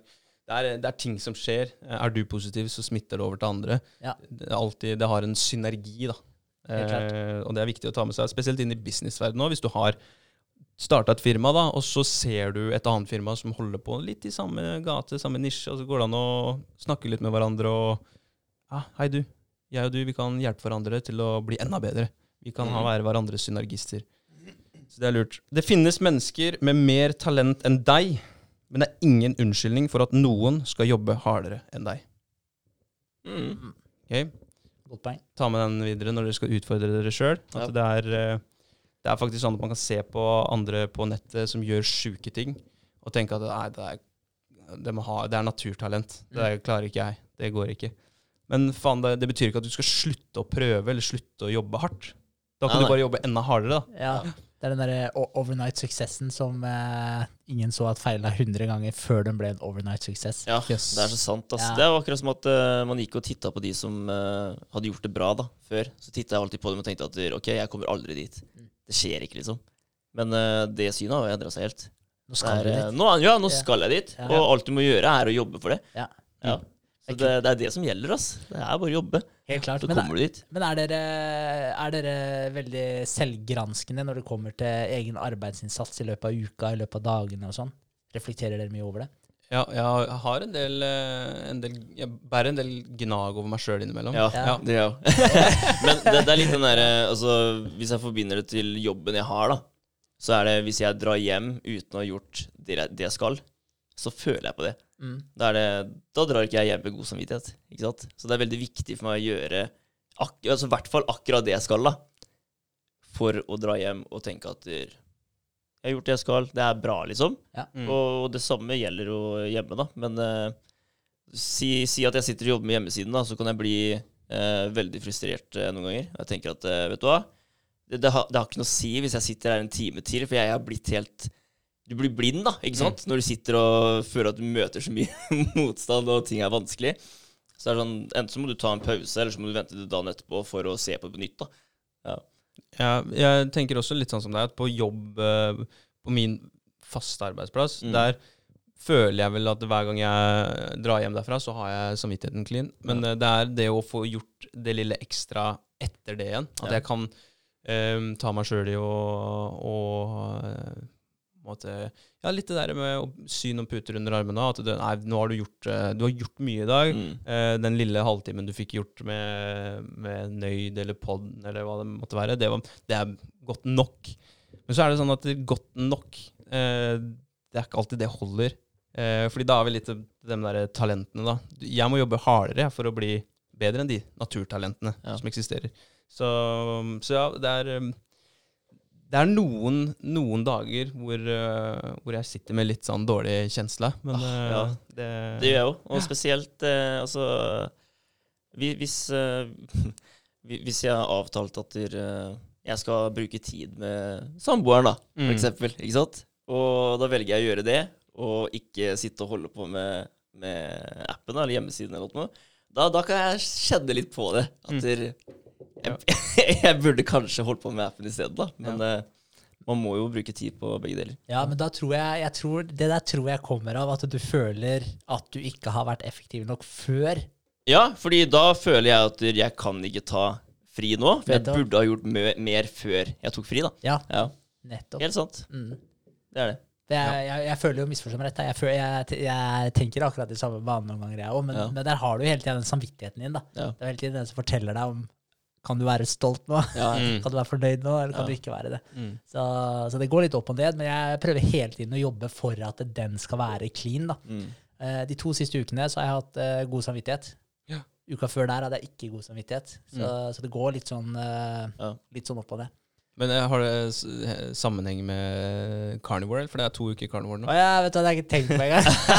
men jeg, jeg tror det er litt tilfeldig også. Ja. Men, eh, men det, gir, det skal jo sies, at det gir jo en god følelse når du uh, går inn for en ting, og du følger det til punkt og prikke. Mm. Uh, du feiler ikke en eneste gang. Det, det gir deg jo en veldig god Det, det hadde jeg, akkurat det hadde jeg tenkt å ta opp litt på podden i dag, for vi snakka om det sist. Det der med carnivore og, og Er det placebo? Er det, funker det, funker det ikke? Eh, Jeg er overbevist på at det vi gjør, funker, men det er ikke nødvendigvis at eh, du kun skal spise kjøtt som funker for alle. Det som funker, det er å ta et bevisst valg eh, og stå for det, som du sier. Ja. Ehm, eh, kar karbohydratbegrensning, det funker. Det sier seg sjøl. Begrens sukkerinntaket ditt, så vil du føle deg bedre. Mm. Og strukturerte måltider. Så det er, det er mange ting da, som spiller inn her, som gjør at jeg føler meg dritmye bedre. Ja. Og så klarer jeg ikke å For jeg første uka og halvannen uka så kjente jeg at det, det funker jo dritbra. eh, og hadde liksom carnivore langt fram i pannebrasken. Og så tenkte jeg meg selv at jeg, jeg må prøve å ikke bli, bli uh, biased da, og blinda, liksom. Bare tenke at det er kun det her, men se litt helheten på det. Så det prøver jeg nå, da. Så det blir veldig, veldig spennende å se på resultatene helt på slutten. Åpenbart. Det blir jo da vi se, ja, ja, se rett og slett fasiten da, når du får blodprøven og, og det må, vi- vi må bestille legetime. Ja, jeg skal gjøre det til uka. Det Ja. må jeg bare få gjort. Jeg, jeg sa dere ikke her om dagen at du, Faen, jeg har nesten lyst til å bare Og så, og så Spise eh, sunt, da, men helt vanlig. Skjønner dere? Mm. Bare kutte ut eh, så mye sukker som eh, mulig, og holde meg til vann. Mm. Og ta test, jeg òg, bare for å se Ja. forskjellen, da. ja, ikke sant? Ja, og om det, om, det, om det blir like bra, eller om det blir eh, dårligere eller bedre. ikke sant? Bare for, Og så handler det om at du, du ikke drikker en cola hver dag, da, og bare drikker vann. Mm. Bare det er en stor forandring for kroppen din. Ja, for det, det, Ja. det er jo jeg merka. Nå drikker jeg ekstremt mye vann. Mm. uh, og det er jo bra å være hydrert og ha nivåer som er i Altså kroppen er i væskebalanse. Det er, jo, er du i ubalanse på noen som helst nivåer, så er det jo ikke bra for kroppen din. Eh, og så samtidig så er det det her med, med det, bare det der bevisste valget. Uh, så kjenner jeg også at der, når jeg har tatt det bevisste valget, så vil jeg kroppen min vel hele tiden. Så jeg tar også ansvar for alle treningsøkter. Mm. Jeg beveger meg mer enn det jeg vanligvis eh, Eller det jeg gjorde før jeg stramma inn og begynte på carnivore. Så det, det er jo ting som følger med her, da. Det er flere ting som spiller inn. Ja, det er det jo. Ja. Ja. Og det er det jo alltid med en diett, så det er derfor alle dietter fungerer dritbra i førsten. Mm. Eh, det som er det viktigste jeg, jeg liker egentlig ikke å bruke ordet diett. Jeg liker å bruke at du gjør en livsstilsendring. ja, for det snakka vi jo med Ja, Ervis om. Ja, ja, ikke sant? Altså, du skal ikke kalle det diett, for da, da er det en slutt der. Det, Ja. ikke sant? Da, er det, da er du ferdig en gang. Ja. Så det er det der å gjøre de, de justeringene, og, at det skal være vare for deg. For jeg, jeg kjenner vel allerede nå at det er ting jeg ikke klarer å leve uten, og det er friskheten i ting. Ja. Fordi kjøtt, eh, full fisk eh, og, og rødt kjøtt, litt ost Det er veldig, det er veldig fett, det er veldig mye proteiner, Du har mye den stekte smaken hele tiden, og ikke noe frukt og bær og sånt. Og Mm. det, det savner jeg. Ja. Men eh, apropos utfordringer, nå skal, jeg, nå skal jeg runde av uka mi, for nå har jeg brukt eh, 45 minutter på uka mi. Ja, ikke sant? Eh. Fy faen, det her har gått fort, ass. Jeg skal runde av den, men jeg skal si det, det er også en utfordring, da, carnivore-dietten. Det er også en utfordring. Det er, eh, så det er ikke bare isbadet nå som har vært en utfordring. Det er en utfordring. Bare det å gå på butikken, boys. Faen, den jævla belgiske vaffelen står så strategiske til. Og du, du legger merke til den Ja. sjokoladeplaten. De står akkurat der de, du, du minst venter dem, og mest venter dem. Det er smart satt opp, ass. Ja, Det er det. Så, så det er hardt, og spesielt når du skal gå sammen med Kristin, da, som bare ja, jeg tar den ned. Ja, for for den, er, den er verre. For jeg merker jo 100 ganger forskjell nå som jeg gjør det sammen med Sofie. Ja. For nå er Kjøleskapet er renska. Jeg har ikke Ja. noen andre alternativer. Det er noe godteri i skapet, men det, er liksom, det rører jeg ikke uansett. Holdt jeg Nei, men det vil du ikke ha. eller? Nei, jeg vil ikke ha det. Så, uh, så jeg merker at det er mye lettere nå, nå som jeg ikke har andre ting. For det er veldig digg å klasje på litt Uh, Sånn som i stad spiste jeg Det er det kjipeste måltidet. da Du spiser kjøttdeig og ost, liksom. Mm. Det er kjedelig. Altså, Mm. det, er sånn, det stopper i halsen på deg etter hvert. Mm. Uh, men da er det sånn, det er jævlig digg å kunne ta litt rømme da, og litt agurk og kanskje litt tomat, liksom. Ja. Du, du, den blir mye friskere. Ja. Men, det, men det som er casen, da, altså når, eh, når jeg har spist der tidligere, men da var Sverige åpent òg, da kjøpte jeg hele entrecôter. Så da spiste jeg eh, nakkekoteletter av svin til lunsj, og så spiste jeg entrecôte Jeg tror faktisk det heter entrecôte. ja, det det. noe som det er på lyd, liksom, men jeg, jeg føler at det er feil. Entrecôte. Men Jeg sier også entrecôte. Ja, Ja, ja. Jeg holder meg til entrecôte. Ja, ja, Ja, det er greit. Så um, Stum T. ja, jeg sier det med stum te. Eh, eh, ja, men da kjøpte jeg hele entrecôte, og uh, det får jeg bare mer og mer og mer og mer smaken for. Mm. Så greia er at jeg, jeg alltid første to ukene, opptil tre uker, så har jeg cravings på andre ting, da. Om det er noe søtt, eller om det er noe friskt, eller hva det. Måtte være da. Mm. Men etter tre uker Borte. Ja, det er borte. Ja. Helt borte. Og, da, og jeg hører du sier at du savner det friske, og jeg ser den 100 Mm. Men går det lang nok tid, og jeg tror at hvis du spiser noe sånt som entrecôte, Hvis du spiser egg, så kommer du alltid til å savne det friske. Mm. Fordi det, det stopper etter hvert. Altså. Du, Mm. du blir sånn Ja, men så Egg blir ikke noe bedre. Nei, gjør ikke det. Nei. Du, du det, det er bra i starten, og så blir du lei. Ikke Ja. sant? Ja. For det blir du lei. Men rødt kjøtt, ja. svin, det tror jeg også du kan bli lei. Det blir lei. Ja. Men det er et eller annet med eh, storfe. Ja. Ja. Jeg, jeg kødder ikke. Entrecôte kunne jeg spist det lunsj, middag, livet ut hvis jeg fikk det. ja, men det er det som liksom har vært tanken min. da At du blir drittlei. Ikke sant? Mm. Men uh, som du sier, at når du spiser entrecôte, så blir det bare bedre og bedre. Det er jo, det er jo dritbra. Ja. Fordi det er liksom alltid jeg tenkt at du, Ok, carnivore, du skal bare spise kjøtt. Fy faen, så utrolig kjipt. Ikke Ja, det sant? høres helt forferdelig Ja, det gjør jo det. Ja, Og det er bare sånn eh, ja, Hva blir det da? Nei, det blir kjøtt. Ja. ja. Og det skal også inn på lista der. da Du Ja. spiser bare kjøtt. Når jeg snakka om de fordelene Du ekskluderer all snacking. Sånn som Ja, ja. på jobben. Det er frukt og grønnsaker og boller og rosinboller og kaffe og skoleboller og ikke sant? Det er, det er mye du kutter ut som ikke er bra for deg. Så det er jo, det er jo supert uh, Ja. i det kostholdet der. Uh, en annen ting uh, med carnivores Jo, det skal jeg, jeg skal krype til korset og si det at vi har jo en eh, Sofie, Henrik og jeg har jo en supportgruppe på Snapchat. Og jeg måtte jo da på fredagen, tror jeg det var, krype til korset og bare si at det, eh, jeg trenger hjelp. Det var nesten sånn eh, sånn AA-meeting her. Uh, at jeg måtte opp til sponsoren min. Så, uh, fordi da, da, da hadde jeg trent på morgenen, hadde bada igjen, da. Så bada dagen etter at vi bada. eh, og bygde opp en appetitt etter trening Mm. og bading. Og så kjør, eh, dro jeg på butikken og kjøpte laks. Jeg fikk lyst på røkt laks. Og litt spekeskinke. Og egg, da. Så lagde jeg, danderte jeg en fin skål. Akkurat idet jeg skulle ta første biten, så bare vokste alt i munnen på meg. Bare sånn Fuck det her. Så da gikk jeg, gikk jeg og tok meg en uh, pause fra mating. Ja. Og så gikk jeg og gjorde noe annet i et par timer. Uh, og stekte meg to feite burgere. Fordi tipset fra Henrik da var faktisk få i deg noe rødt kjøtt. Eh, det kommer du til å få inn. Og da dagen etterpå så spiste jeg en um, entrecôte og en, eh, en eh, ytrefilet til frokost istedenfor. Ja. Og det funka fint. Ja. Så, så det ligger noe i det. Ja, ja, men jeg tuller ikke. Men jeg, men jeg tror at det her er eh, At det ligger latent i oss, sånn fra historisk sett. da. Ja. Så har jo vi eh, Vi har jo levd på kjøtt i mange, mange, mange mange, mange titusener, om ikke hundretusener av år. ja, ja. Vi er jo rovdyr. Yes. Mm, ja. Og så, jeg, så jeg tror at det er derfor man ikke blir lei kjøtt når man begynner å spise det. For jeg tror kroppen din begynner å crave det, sånn bare av instinkt fra gammelt, gammelt, gammelt av. Ja. Så jeg tror det er derfor du blir fedd opp med egg, for du, hadde ikke fri tilgang på egg. Men altså, de har jo funnet mammutgravplasser og sånn, ikke sant? For folk hadde feller, da. Du kan tenke deg hvis du, hvis du slakta en mammut, da, hvor mange hundre kilo kjøtt du hadde etter det. Ja, Og så shit. lagde de jo pemmikan av det og pakka det i skinnsekker, så de kunne jo ha kjøtt. De kunne jo oppbevare det ett til to til kanskje tre år uten at det gikk dårlig. Mm. Ja, ja. Så, så, eh, så, så jeg tror helt ærlig talt at det er derfor. Fordi, misforstå meg rett, jeg blir lei all mat hvis jeg spiser kun det, og jeg spiser altfor mye av det. Spiller ingen rolle om det er pizza eller taco eller burger eller hva det måtte Nei, være. du blir lei alt. Ja. Men, men har jeg ordentlig kjøttstykke, så, så craver jeg det bare mer og mer. Mm.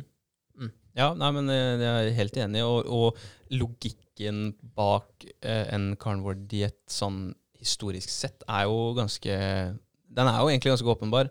At det, vi har alltid spist kjøtt, eh, og kroppen vår har blitt en mester til å bryte ned kjøtt og suge opp de næringene eh, vi trenger da, fra kjøttet. Så det, jeg, jeg er pro, pro en kjøttbasert diett, men jeg tror at det, for at det skal være holdbart for meg over lengre tid, så må jeg inkludere noen ting. Så da, så da skal jeg se litt på um, den uh, ja, Kall det en diett, da. Paleo-greier, eller? Ja, det blir animal-based diet, da, som Ja. han kaller det. Han uh, dr. Paul Saladino. Ja. Som uh, er Han er jo en carnivore øh, øh, Hva skal jeg si? Ikke ja, carnivore-preker, da, holdt jeg på å si. Han uh, Preacher. Preacher. Ja. Ja. hva, hva heter det? Han vet formann, eller han fronter Predikant. Predikant. Han, øh, han og dr. Sean Baker. Og se på de gutta, da. De er jo ripped as fuck. De er jo helt sjuke. Ja, de er maskiner. Uh, Dr. Sean Og begge er leger, da. Og begge er leger, ja. Så de har jo litt kunnskap eh, sånn totalt sett. Ja. Og, og han dr. Sean Baker har jo tatt to Guinness-rekorder i innendørs roing.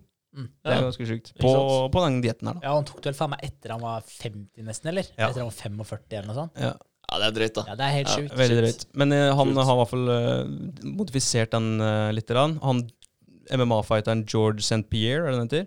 Ja, han Ja. vurdert å starte på det. Ja, han har begynt på den uh, Animal-based diet hos dr. Paul Saladino. ah, Så da, han, nå i det siste har jeg sjekka litt, så han legger ut bilder av det han spiser. Og da er det stort sett kjøtt på tallerken, noe laks og, og noe kylling. Ja, men, men er det her det samme? Altså Animal-based diet og carnivore? Er det samme, eller er det hva er forskjellen her? Er Eh, Det er, en, det er, et, andre, ja, det er, et, det er et, en utspring da, fra carnivore-dieten. Han har vel eh, valgt ut noen elementer til han kan ta med. Noe frukt, noe bær. Ja. Eh, Du er vel typ altså 90-95 kjøtt, sikkert. Ja. Altså, så noe oliven og litt sånne ting. Så ja. det, det er, det, litt friskt da ved siden av. yes. Ja. så det, det frister eh, Det er egentlig der du burde Ja, akkurat der burde jeg være. Så, Ja. så etter de 40 dagene så, og den ene utskeielsen vi skal ha da, så, så, blir det, så blir det nok en tilsvarende diett. Ja. Men jeg gleder meg til å høre bare hva du sier. Altså, jeg, jeg er all for da, at man går tilbake og finner et eller annet balansepunkt som man sjøl trives med. Mm. Men jeg er veldig spent på å høre om du føler at du har så mye, like mye behov for det, enten om du går tilbake til det eller ikke. da. Ja, for det er, det er jo lenge igjen. Ja, sant? ja. Mm. Altså Om du merker etter tre uker, etter fire uker og opp i den femte uka, om du faktisk da føler at der, om du kunne ha fortsatt sånn her, og heller bare tar et bevisst valg om at ja, men du har lyst til å inkludere mer ting, Mm. eller at du føler at du faktisk må inkludere noen ting. Ja, ja. Det er jeg veldig spent på å høre. Det blir spennende. Og så blir det spennende å se da, hvis jeg da tar det valget om å inkludere flere ting, om jeg føler meg noe annerledes. Mm. Om jeg har like mye overskudd og jevnt øh, blodsukker gjennom dagen. Og for det er også Der merker man stor forskjell, da. For Mm. man har aldri de pikene når man ikke spiser sukker. Nei, ikke sant? Men jeg, men jeg tror jo måten vi spiser på i dag, så generelt er helt fakta. Altså Når du tenker at du må spise Altså den gjennomsnittlige personen i dag spiser hver tredje til fjerde, maks femte time. Mm. Spiser tre til fire ganger om dagen. Og driter sikkert to ganger om dagen også. Ja. Mm. Det, er ikke, det er ikke sånn det skal være. Det er ikke menneskelig. Fordi at dere, da, Tilbake i, i tid, som vi snakka om i stad, så hadde du kanskje ett måltid om dagen. Ja. Og nå har, har vi faen meg sånn IV-drip med måltider gjennom hele dagen. Ja, ja. Så vi, vi, har, vi har mat rundt oss at all times. Ja, og det, er, og det er ikke riktig. Før i tida så jakta du et bytte, tok det tilbake, og da, før så klarte de ikke å bevare det ordentlig, eller før de begynte med den her ja. og sånn, da. Mm. Da var det jo om å gjøre å stappe i deg mest mulig, da, og så gikk du på det.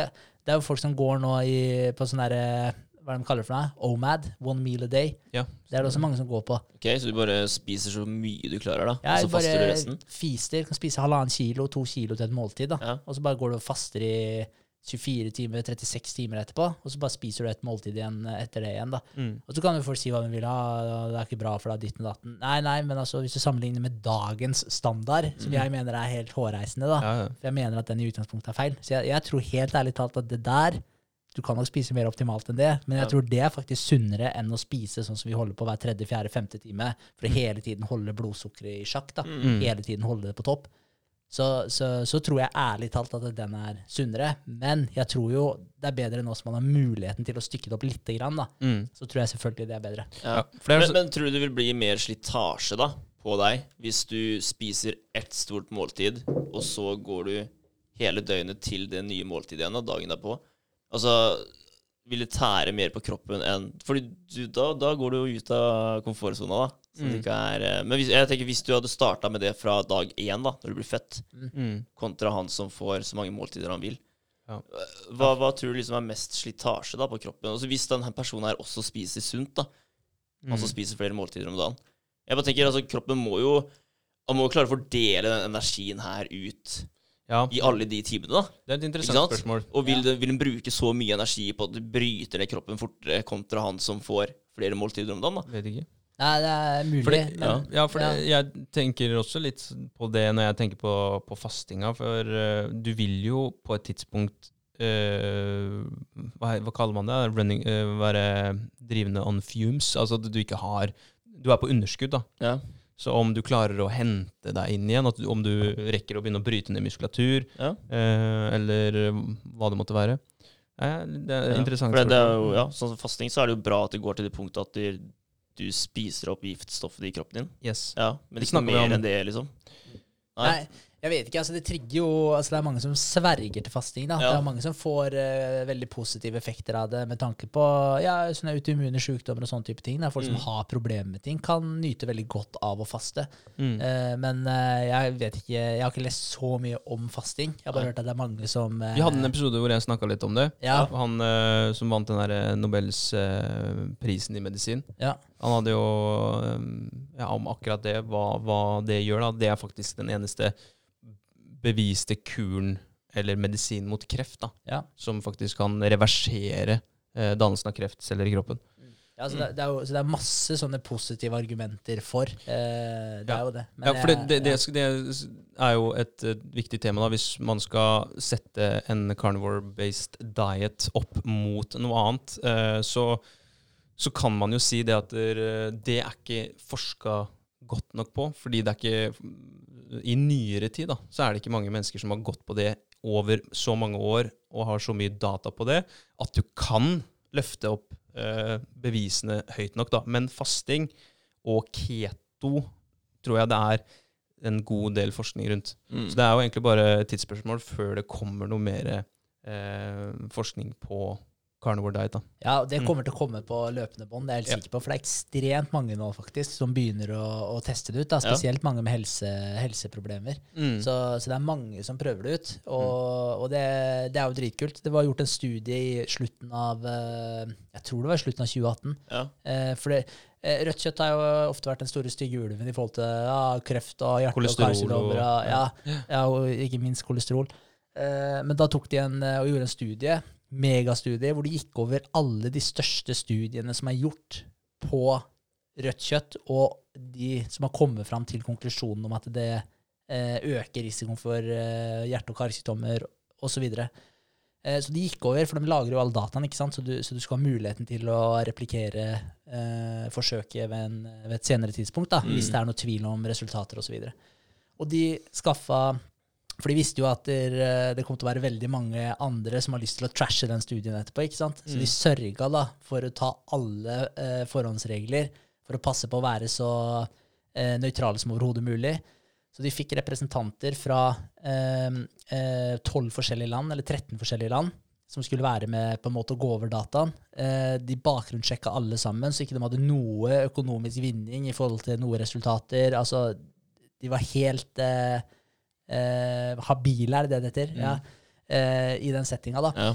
Eh, og gikk over alle dataene. Og de, det var ikke én av studiene de kunne konkludere med at rødt kjøtt var årsaken eh, til at Eller var det som bidro til økt sannsynlighet da, for hjerte- og karsykdommer.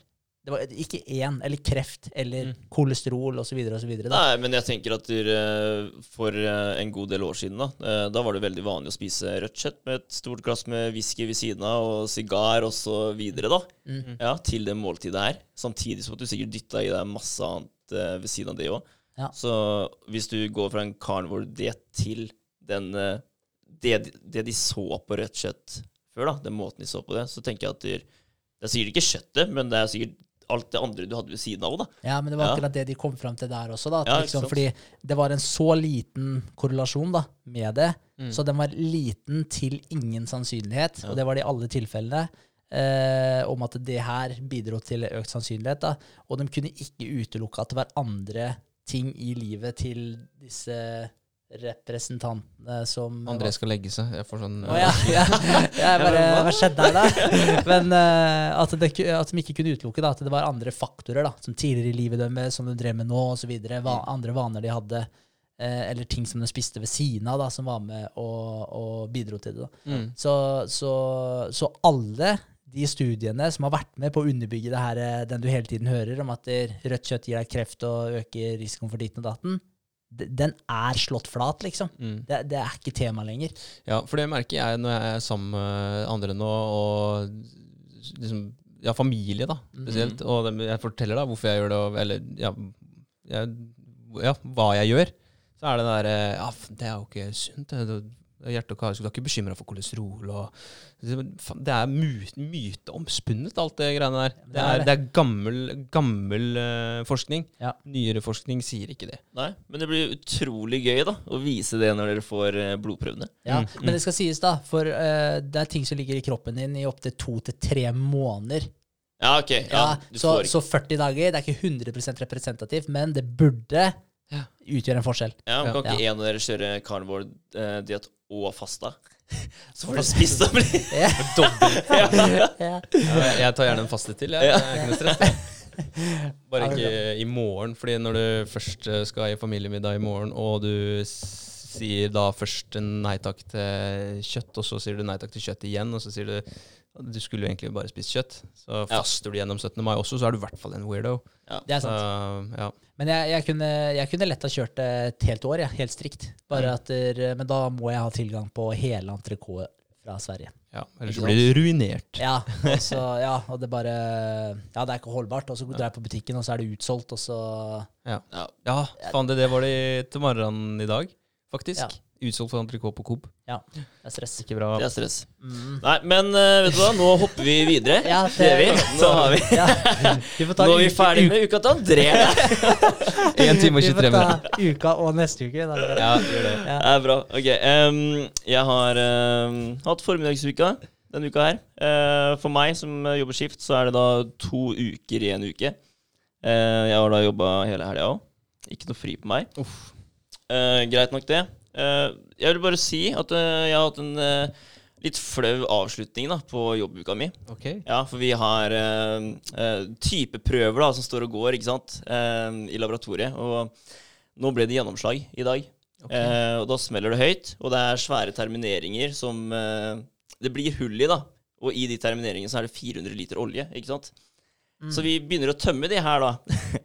og da må vi finne fram sånne oljefat som rommer eh, 200 liter per fat, Mm. eh, og tømmer oppi den her. Men så sier han eh, soneansvarlig til oss at der, eh, Vet du hva, det her det går så sakte, for det er så tjukk olje, så det kommer sikkert til å ta ja, over to dager liksom, før det her er tømt. da. Så da, da, da glemte jeg det bort, ikke sant? Tenkte jeg da er det null stress, da går det jo kjempesakte. Så både jeg og Robin glemte bort det her, da. Så når skiftbyttet kom, så fortalte vi at det hadde vært gjennomslag. Og de bare OK, så dere har begynt å tømme olje og sånn, da, eller? Og da bare gikk det opp for meg. da, bare, Oi, shit, den olja, ja. så jeg måtte løpe bort da og bare se at det er masse olje utover hele Åh, gulvet. shit, nei. Jeg bare, Greit, men da tar jeg kvelden, jeg. Altså, oh, shit. ja, det var sjukt. Jeg kunne ikke bli igjen. Jeg skulle jo ha pod. Så det Fuck dere, nei. Ja, det er sjukt. Ja, den var kjip. Oh, Så ja. Ja. Kanskje jeg må ut på overtid, jeg vet ikke. Men Du får i hvert fall ta med en, eh, en belønning til de som rydda opp for deg, da, hvis det ja, vet du hva, den er Det er en sånn kjip følelse. Du føler at du, når, du- når, når du dreter deg ut, da. Ja. Det er sånn, eh, Åssen klarte du å glemme bort det, liksom? Men uh, vi har hatt mye annet å gjøre i dag, da, så det er fort gjort å glemme noe som du tenker ikke er så viktig å følge med på, da. Ja. Ja, det er det. Eh, og så har jeg jobba litt med hjemmeside denne uka her. Eh, det som er eh, litt eh, kult Det er ikke kult, det var kjipt for meg, men eh, du begynner å jobbe på en hjemmeside, da. Eh, og så skal du laste opp videoer osv. Så, videre. så skjønner du at du, du må først begynne med videoen, da. Ikke sant? Du må gå inn i Jeg bruker Filmora. Så jeg må gå inn der og redigere om videoen først. Og gjøre om eh, eh, Hva heter det? Eh, Formatet. Formatet på den, ja. Så jeg må gå inn og gjøre det på hver enkel video først, ikke sant, før jeg legger inn det her. Og det er sånn herre Det finner jeg liksom ut etter jeg har satt inn alle videoene. Så tenker jeg nei, men det her blir jo litt feil. Så så må jeg gå tilbake og begynne med det, da, i stedet for å liksom catche den med en gang, da, og begynne på scratch. Ja. Gjøre klart det, gjøre klart det, gjøre klart det, og så inn i hjemmesiden. Ja. Så blir det du begynner på hjemmesiden, så må du gå ut av det for å begynne på noe, og så finner du ut at det, ok, men jeg må endre på det her òg. Og det blir litt sånn fram og Ja. tilbake, da. Men, Men uh, Ineffektivt. ja, Uh, neste gang da, ja. Gjør du ferdig én ting helt da, og tester, ser at det her Hvis du skal gjøre sånn som videoer, da, for da legger du flere under hverandre, Ja, ja. så gjør egentlig samme operasjonen flere ganger. Gjøre ferdig den ene, se er du fornøyd med det her, og så gå videre. Helt klart. Det er kanskje Det, det er skjønt nå, at Ja. det, det er greit. Men da har du lært, da. Det er Ja. viktig. Ja da. Ja, ja. Ja, men uh, også bare det, bare det å, uh, å lagre alt. Når du, hvis du tror, da, sånn som jeg tenkte, at de, de videoene her skal på Instagram. ikke sant? Mm. Ferdig. Skal ikke bruke det noe mer sånn Jeg tenkte ikke at det skulle inn på en hjemmeside, liksom. Da, når jeg holdt på med det da. Mm. Så jeg kunne jo gjort ting på en veldig annerledes måte, da. Hvis jeg hadde hatt det ja, Lagra prosjektene, ja. liksom. Ja. Jeg kunne gjort det, så jeg kunne liksom satt, satt opp en litt bedre struktur på det, da. Mm. Eh, altså bare det å finne det fram og alt sånt der, det har vi snakka om før òg. Struktur på dataen. ja, mappestruktur. Viktig, ass! Ja. Ja, du fikk smake på Jævlig den viktig, ja. Ja, det er så jævlig bra. Shit, så Ja, men uh, det har blitt bedre. Ja. Men det suger så jævlig. Ja, det gjør det. Spesielt hvis du skal gjøre en kjapp ting også, så bare eksporterer du holder på med noe Photoshop eller noe sånt, Mm. så eksporterer du den bare som en vanlig PNG, da, og så bare krysser du og gidder ikke lagre Photoshop-fila. Ja. Og så finner du en feil, og så er det bare sånn Fuck. Ja, Så må du Begynne på inn og- nytt. Ja, Typ. Så, men der er, jeg, der er jeg faktisk Der er jeg blitt flink, for jeg har gått på den smellen der mange ganger. da Ja. Så, så der, er, der er jeg faktisk rutta. Ja. Alltid lagre Photoshop-fila, alltid lagre den PNG-en, legge det i mappe så du finner det igjen senere. Ja, ja. Det er bare Ja, det altså- alltid Men uh, det er veldig Altså det er, det er mye sånn mappestruktur da, som du akkurat der og da, når du lager det, så, så føles det rett, da. Mm. Men når du skal finne det fram igjen senere, så ja. Så bare tenker du at det, Faen, hvorfor lager jeg det så vanskelig, liksom? Og Ja, ikke sant? Du, du, du tenker da at det her kunne jeg gjort mye enklere, da. Men uh, det er lett å være etterpåklok. Men det er erfaringer hele veien, Ja, ja. og man lærer jo av det. Helt klart. Det er jo, altså jeg er jo for så vidt fersk da, på data. Jeg, er jo, jeg fikk jo data i fjor, så yes. Ja, ja, men altså, det, jeg har sagt det før, jeg sier det igjen. Du har faen meg kommet langt. Altså. Ja, det har faktisk det. Ja, altså, Ja. du Altså, jeg har vist hjemmesida, eh, deres til folk og så sagt at eh, han eh, kameraten her Han har ikke hatt data før i fjor, han. det, Ja. det er bare Hæ? Kødder du, eller? Ja, okay, ja. Det er sjukt bra, kult. liksom. Men Ja, Men uh, det er litt lættis, da. For når du tenker på altså, den hjemmesiden som jeg lagde da, Mm. den ser jeg på nå og tenker fy faen, det er crap, ass! Ja, Ikke sant? Det, Det er sier- kult. For ja, å begynne å lage noe annet, da. Det sier altså. litt om hvor langt du har kommet, da. ja, Moro. Det er Moro. kult. Ja.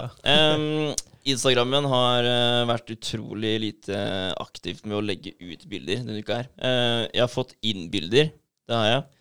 Eh, og så har vi posta litt på Story, da. Mm. Det har vi gjort. Eh, søskenbarnet mitt uh, lagde en eh, video. Ja, den var dritkul. tagget- Ja, den var dritkul. Det var bra, ass. Så hun hadde vært på Kala da, i Sarpsborg og uh, trent der. Så da lagde hun en video. For jeg sa det til dem at herregud, hver gang dere ser en mulighet til å ta et fett bilde eller video, eller noe, så bare enten send det til meg eller tagg oss, liksom. Ja. Så kan vi spre det videre, vi òg. Ja. Så det gjorde hun, da. Ja, Det, ja, det var veldig, Veldig, kult. veldig bra. Eh, utenom det, da, så har jeg kjøpt meg en bod. Hey. Ja, en liten stålbod. Så jeg har jo ikke garasje, vet du. Så jeg må ha et sted å lagre ting. Um, og når jeg går ute i gården min og titter, da, så ser jeg at det er jo fall fra husveggen og ut, ikke sant? For det skal det jo være, så vannet renner vekk. Men Mm. jeg må jo ha den boden her rett, så jeg må begynne å Fundamentere ja, eller støpe. eller, ja, eller fylle med sand eller et eller annet Mm. greier. Men uansett så blir det sånn her, ok, skal jeg ta sand, så må jeg hoppe tusse, og jeg må pakke det, ikke sant? Og Mm. legge heller, for, å, for det er ikke gulv på boden, så du må stå på et eller annet. Enten Ja. fundament eller noe. Mm. Så jeg må gjøre det, da. ikke sant? Så det, det blir litt uh, aktivitet i uka, faktisk. Hvor mye måtte du gi for den boden? 5000. Ja, og det er bare et skall? Det er skall, ja. Ja, med dør? Ja, det er det. Du Ja. kan låse den. Ja. Men den er veldig fin, altså. ja. Den er det. Låsen eller tippen på sida? Ja. jeg, skal, jeg skal bore den fast i hellene, da. Eh, men det gjør jeg egentlig mest bare fordi at den ikke skal blåse vekk. For den blåser helt sjukt der oppe. Jeg er redd for at den bare blir flekka av gårde. Ja, men jeg har vurdert noe Tenkt på noe lignende, jeg òg. Ja. jeg har jo leieboer. Jeg skal egentlig ha en bod. Ja. Ja, Men uh, de kan bruke liksom Jeg har en sånn midlertidig løsning. Men jeg Ja. burde egentlig hatt en bod eller noe, jeg òg. Du får kjøpt sånne ferdigsnekra sånne boder Mm. til eh, 15 000 kroner, som er ganske store. Jeg Ja. hørte bare faren til eh, Ole Fredrik hadde kjøpt det nå. Mm. Og nesten bare materialene der er jo dyrere enn 15 000. Ja, Ja, ikke ikke sant. Så det er egentlig bra kjøp, ass. Ja. Ja, kult. Ja, og så, ja, og så måtte jeg kjøpe en ny TV, da, for den røk. Ja, det gjorde Ja, det. og der kom, Ja. det en, der kom det en utgift, ikke sant. Så jeg bare fy faen, ikke sant. Men man har eh, spart opp, da, så det gikk bra. Det bare men, røk, liksom? Ja, eller først så begynte det med at jeg mista internetten. Den bare datt ut Mm. konstant, liksom. Og så uh, Du vet når du går inn på, på TV-en, og så kan du slå av eh, at den Vi. søker mot eh, Ja, slå av wifi, ikke sant? Mm. Og så kan du slå på igjen, og da søker den på nytt. Men den bare står av, da, og du får ikke trykka på den engang. Mm. Ja, og så, så ringer jeg, da, eller det var faktisk Rikke som dro på Elkjøp, for jeg jobba da, eh, og spurte, da. Og bare, nei, men eh, hvis det er en oppdatering på TV-en, da, så tar du den, ikke sant. Men det har jeg prøvd. Men du får ikke tatt en oppdatering uten internett. På ikke sant? Men eh, da det- du kabla, kanskje? da ja. Ja, det kunne vært eh, en god idé, men nå tenkte jeg at eh, vet du hva, bare kjøper jeg en ny TV, så tar jeg den TV-en der hvis den kan fikses opp på det andre rommet som jeg skal gjøre om til TV-stue. Ja. Ja, Ja, så det måtte, jeg måtte uansett, uansett hatt en TV, da. Ja. Eh, så det ble det. Det ble en 55 tom på nytt. Jeg ville ikke ha noe større. Nei. Så eh, jeg det var greit. Ass. Det, det blir fort at TV-en blir jævlig svær på veggen Ja. når du gønner opp på 65 tommer, liksom. Ja. Sånn, alle anbefaler det, men jeg bare nei, Nei, Husker ikke hva jeg, jeg tror trenger det er noe ikke det er ja. 55, ja. Ja. Ja. Ja. Ehm, ja, det var vel egentlig det. Jeg fikk besøk da av Mikael eh, i går. Det var eh, koselig. Han lurte på om han kunne komme, så jeg tok et par øl med han. da. Ja. Eh, han skal bygge hus. Ja, han har kjøpt seg tomt. Eller? Yes. Mm. Uh, eller han har ikke kjøpt det ennå, men uh, han jeg tror han har den på Hånda. hånda. ja. ja.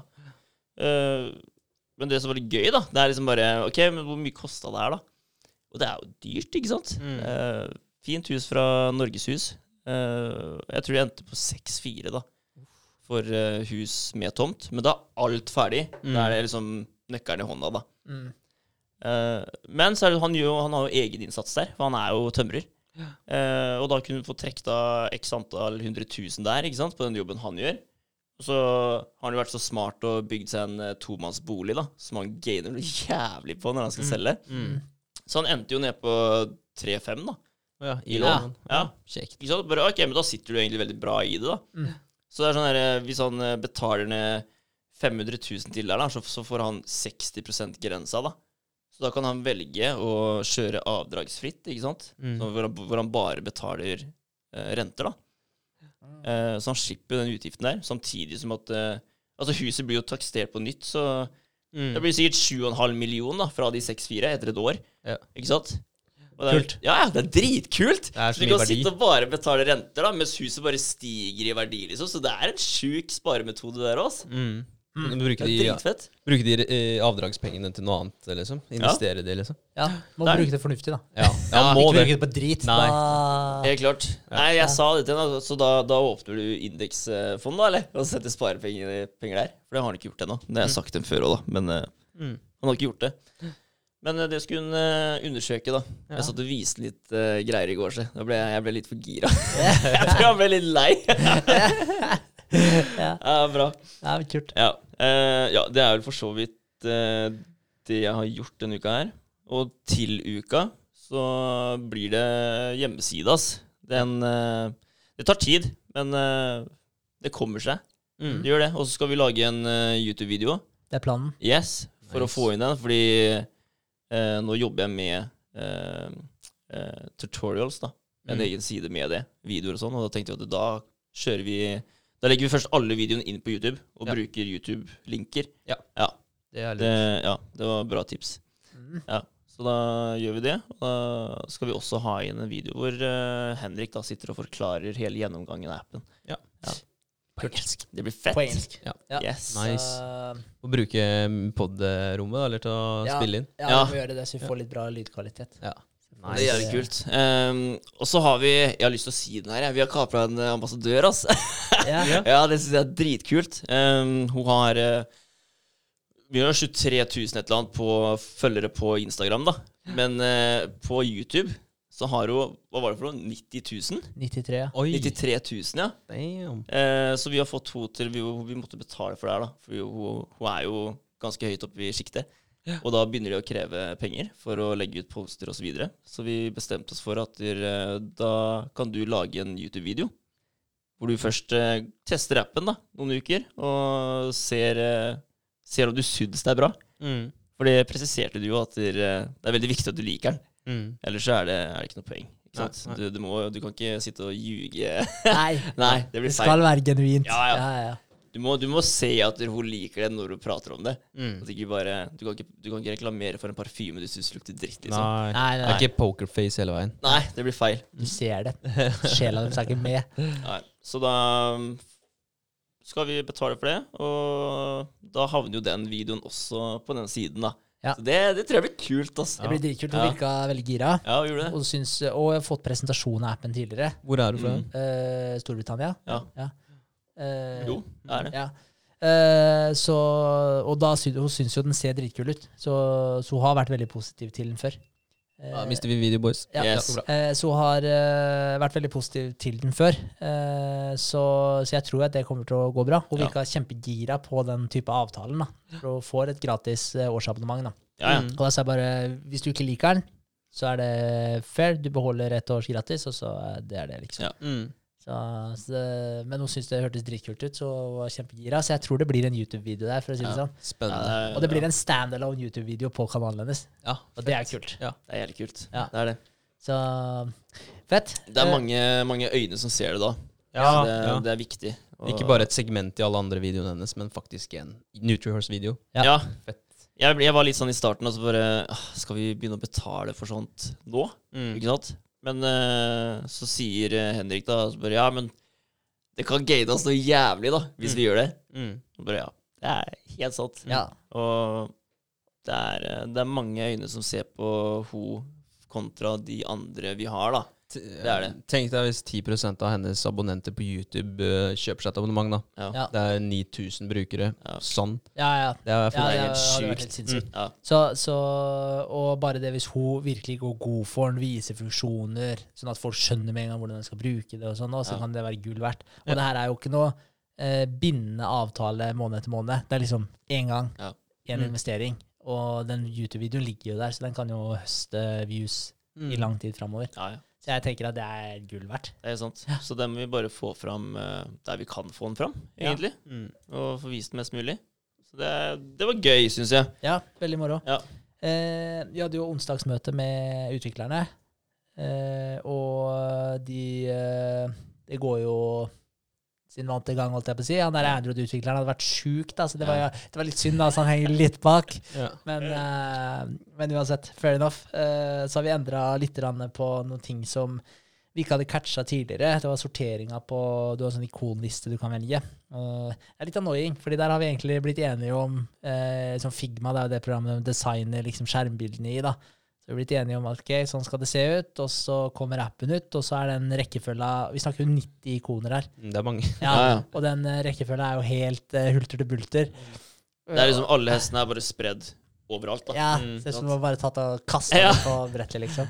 Så, så og det eh, la jo Vegard merke til, da. Mm. Så det var bra at han påpekte det. Så spurte hun om vi kunne fikse det, da. Eh, Så det kunne vi. Så ja, så vi lagde et par nye og ja, litt Ja. diverse. Mm. Så det var greit nok. Eh, Så jeg holdt på med pitchdekken, da. Eh, Og så hadde jeg møte med Smart Innovations på fredag. Ja, Så, ja, det var, det var kult. Eh, det var veldig gøy at det var en sånn hestejente som det var møte med.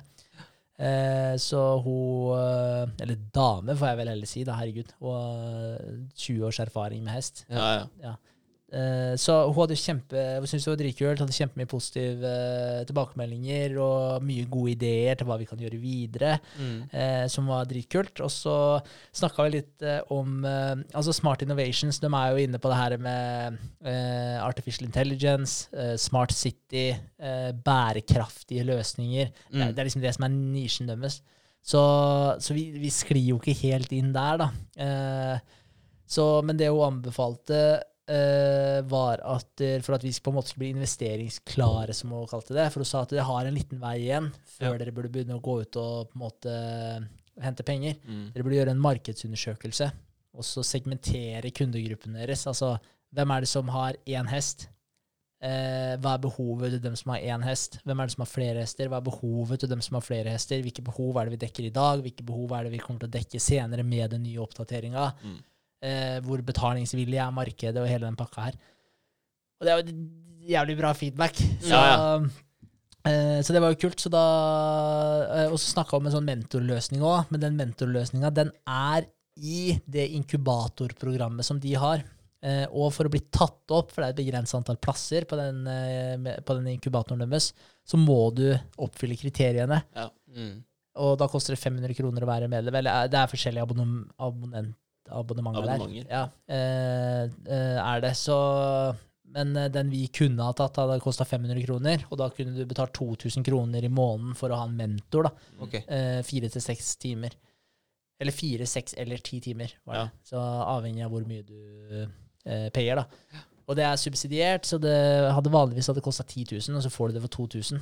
Ja. Og det er sånn en, Det hadde vært veldig nice å ha hatt en sånn type mentor som kunne komme med litt innspill, hjulpet oss med den fasen her, bli investeringsklare. Hva er det vi må gjøre? Dere må gjøre en markedsundersøkelse. Dere burde gå fram på den måten her. Bruk titten, da. Altså, Tror jeg er gull verdt. Mm. Ja, Altså, tror jeg ja. Men så så jeg jo at de hadde de krava da, Ja. ved å bli tatt opp. Så jeg prata litt rann, eh, Eller vi sendte noen mailer. Eh, hun sendte litt mer info. Og så jeg, jeg, sendte jeg spurte om hun hadde lyst til å teste appen. For hun er jo instruktør, eller trener. Eh, og det hadde hun lyst til. Mm. Eh, Så det var jo kult. Og så sa jeg også at hvis eh, du kan få med deg noen sånne gratisabonnementer, og så kan du gi til de du trener, eh, og høre om de også har lyst til å, å teste den. Og så hvis vi kunne fått noen tilbakemeldinger, så hadde det vært gull verdt. Mm. Så det skulle vi gjøre, så det var Ja. kult. Så Ja, sendte dritbra. jeg 13 abonnementer, og så ja, skulle ta med seg den videre. Så det er spennende. Og så, eh, så starta jeg jo da med markedsundersøkelse i går. Mm. Og gjorde ferdig et utkast i dag. Så jeg har egentlig gjort ferdig det utkastet til markedsundersøkelsen. da. Ja, fett. Så jeg ble ferdig med den i stad. Uh, så den, eh, og så har jeg funnet ut uh, at man kan bruke noe sånn der Var det Google Form det het? Mm. Mm. Ja, så sjukt nice. Så jeg kan ta og sende Jeg skal bare få ført inn punktene, da.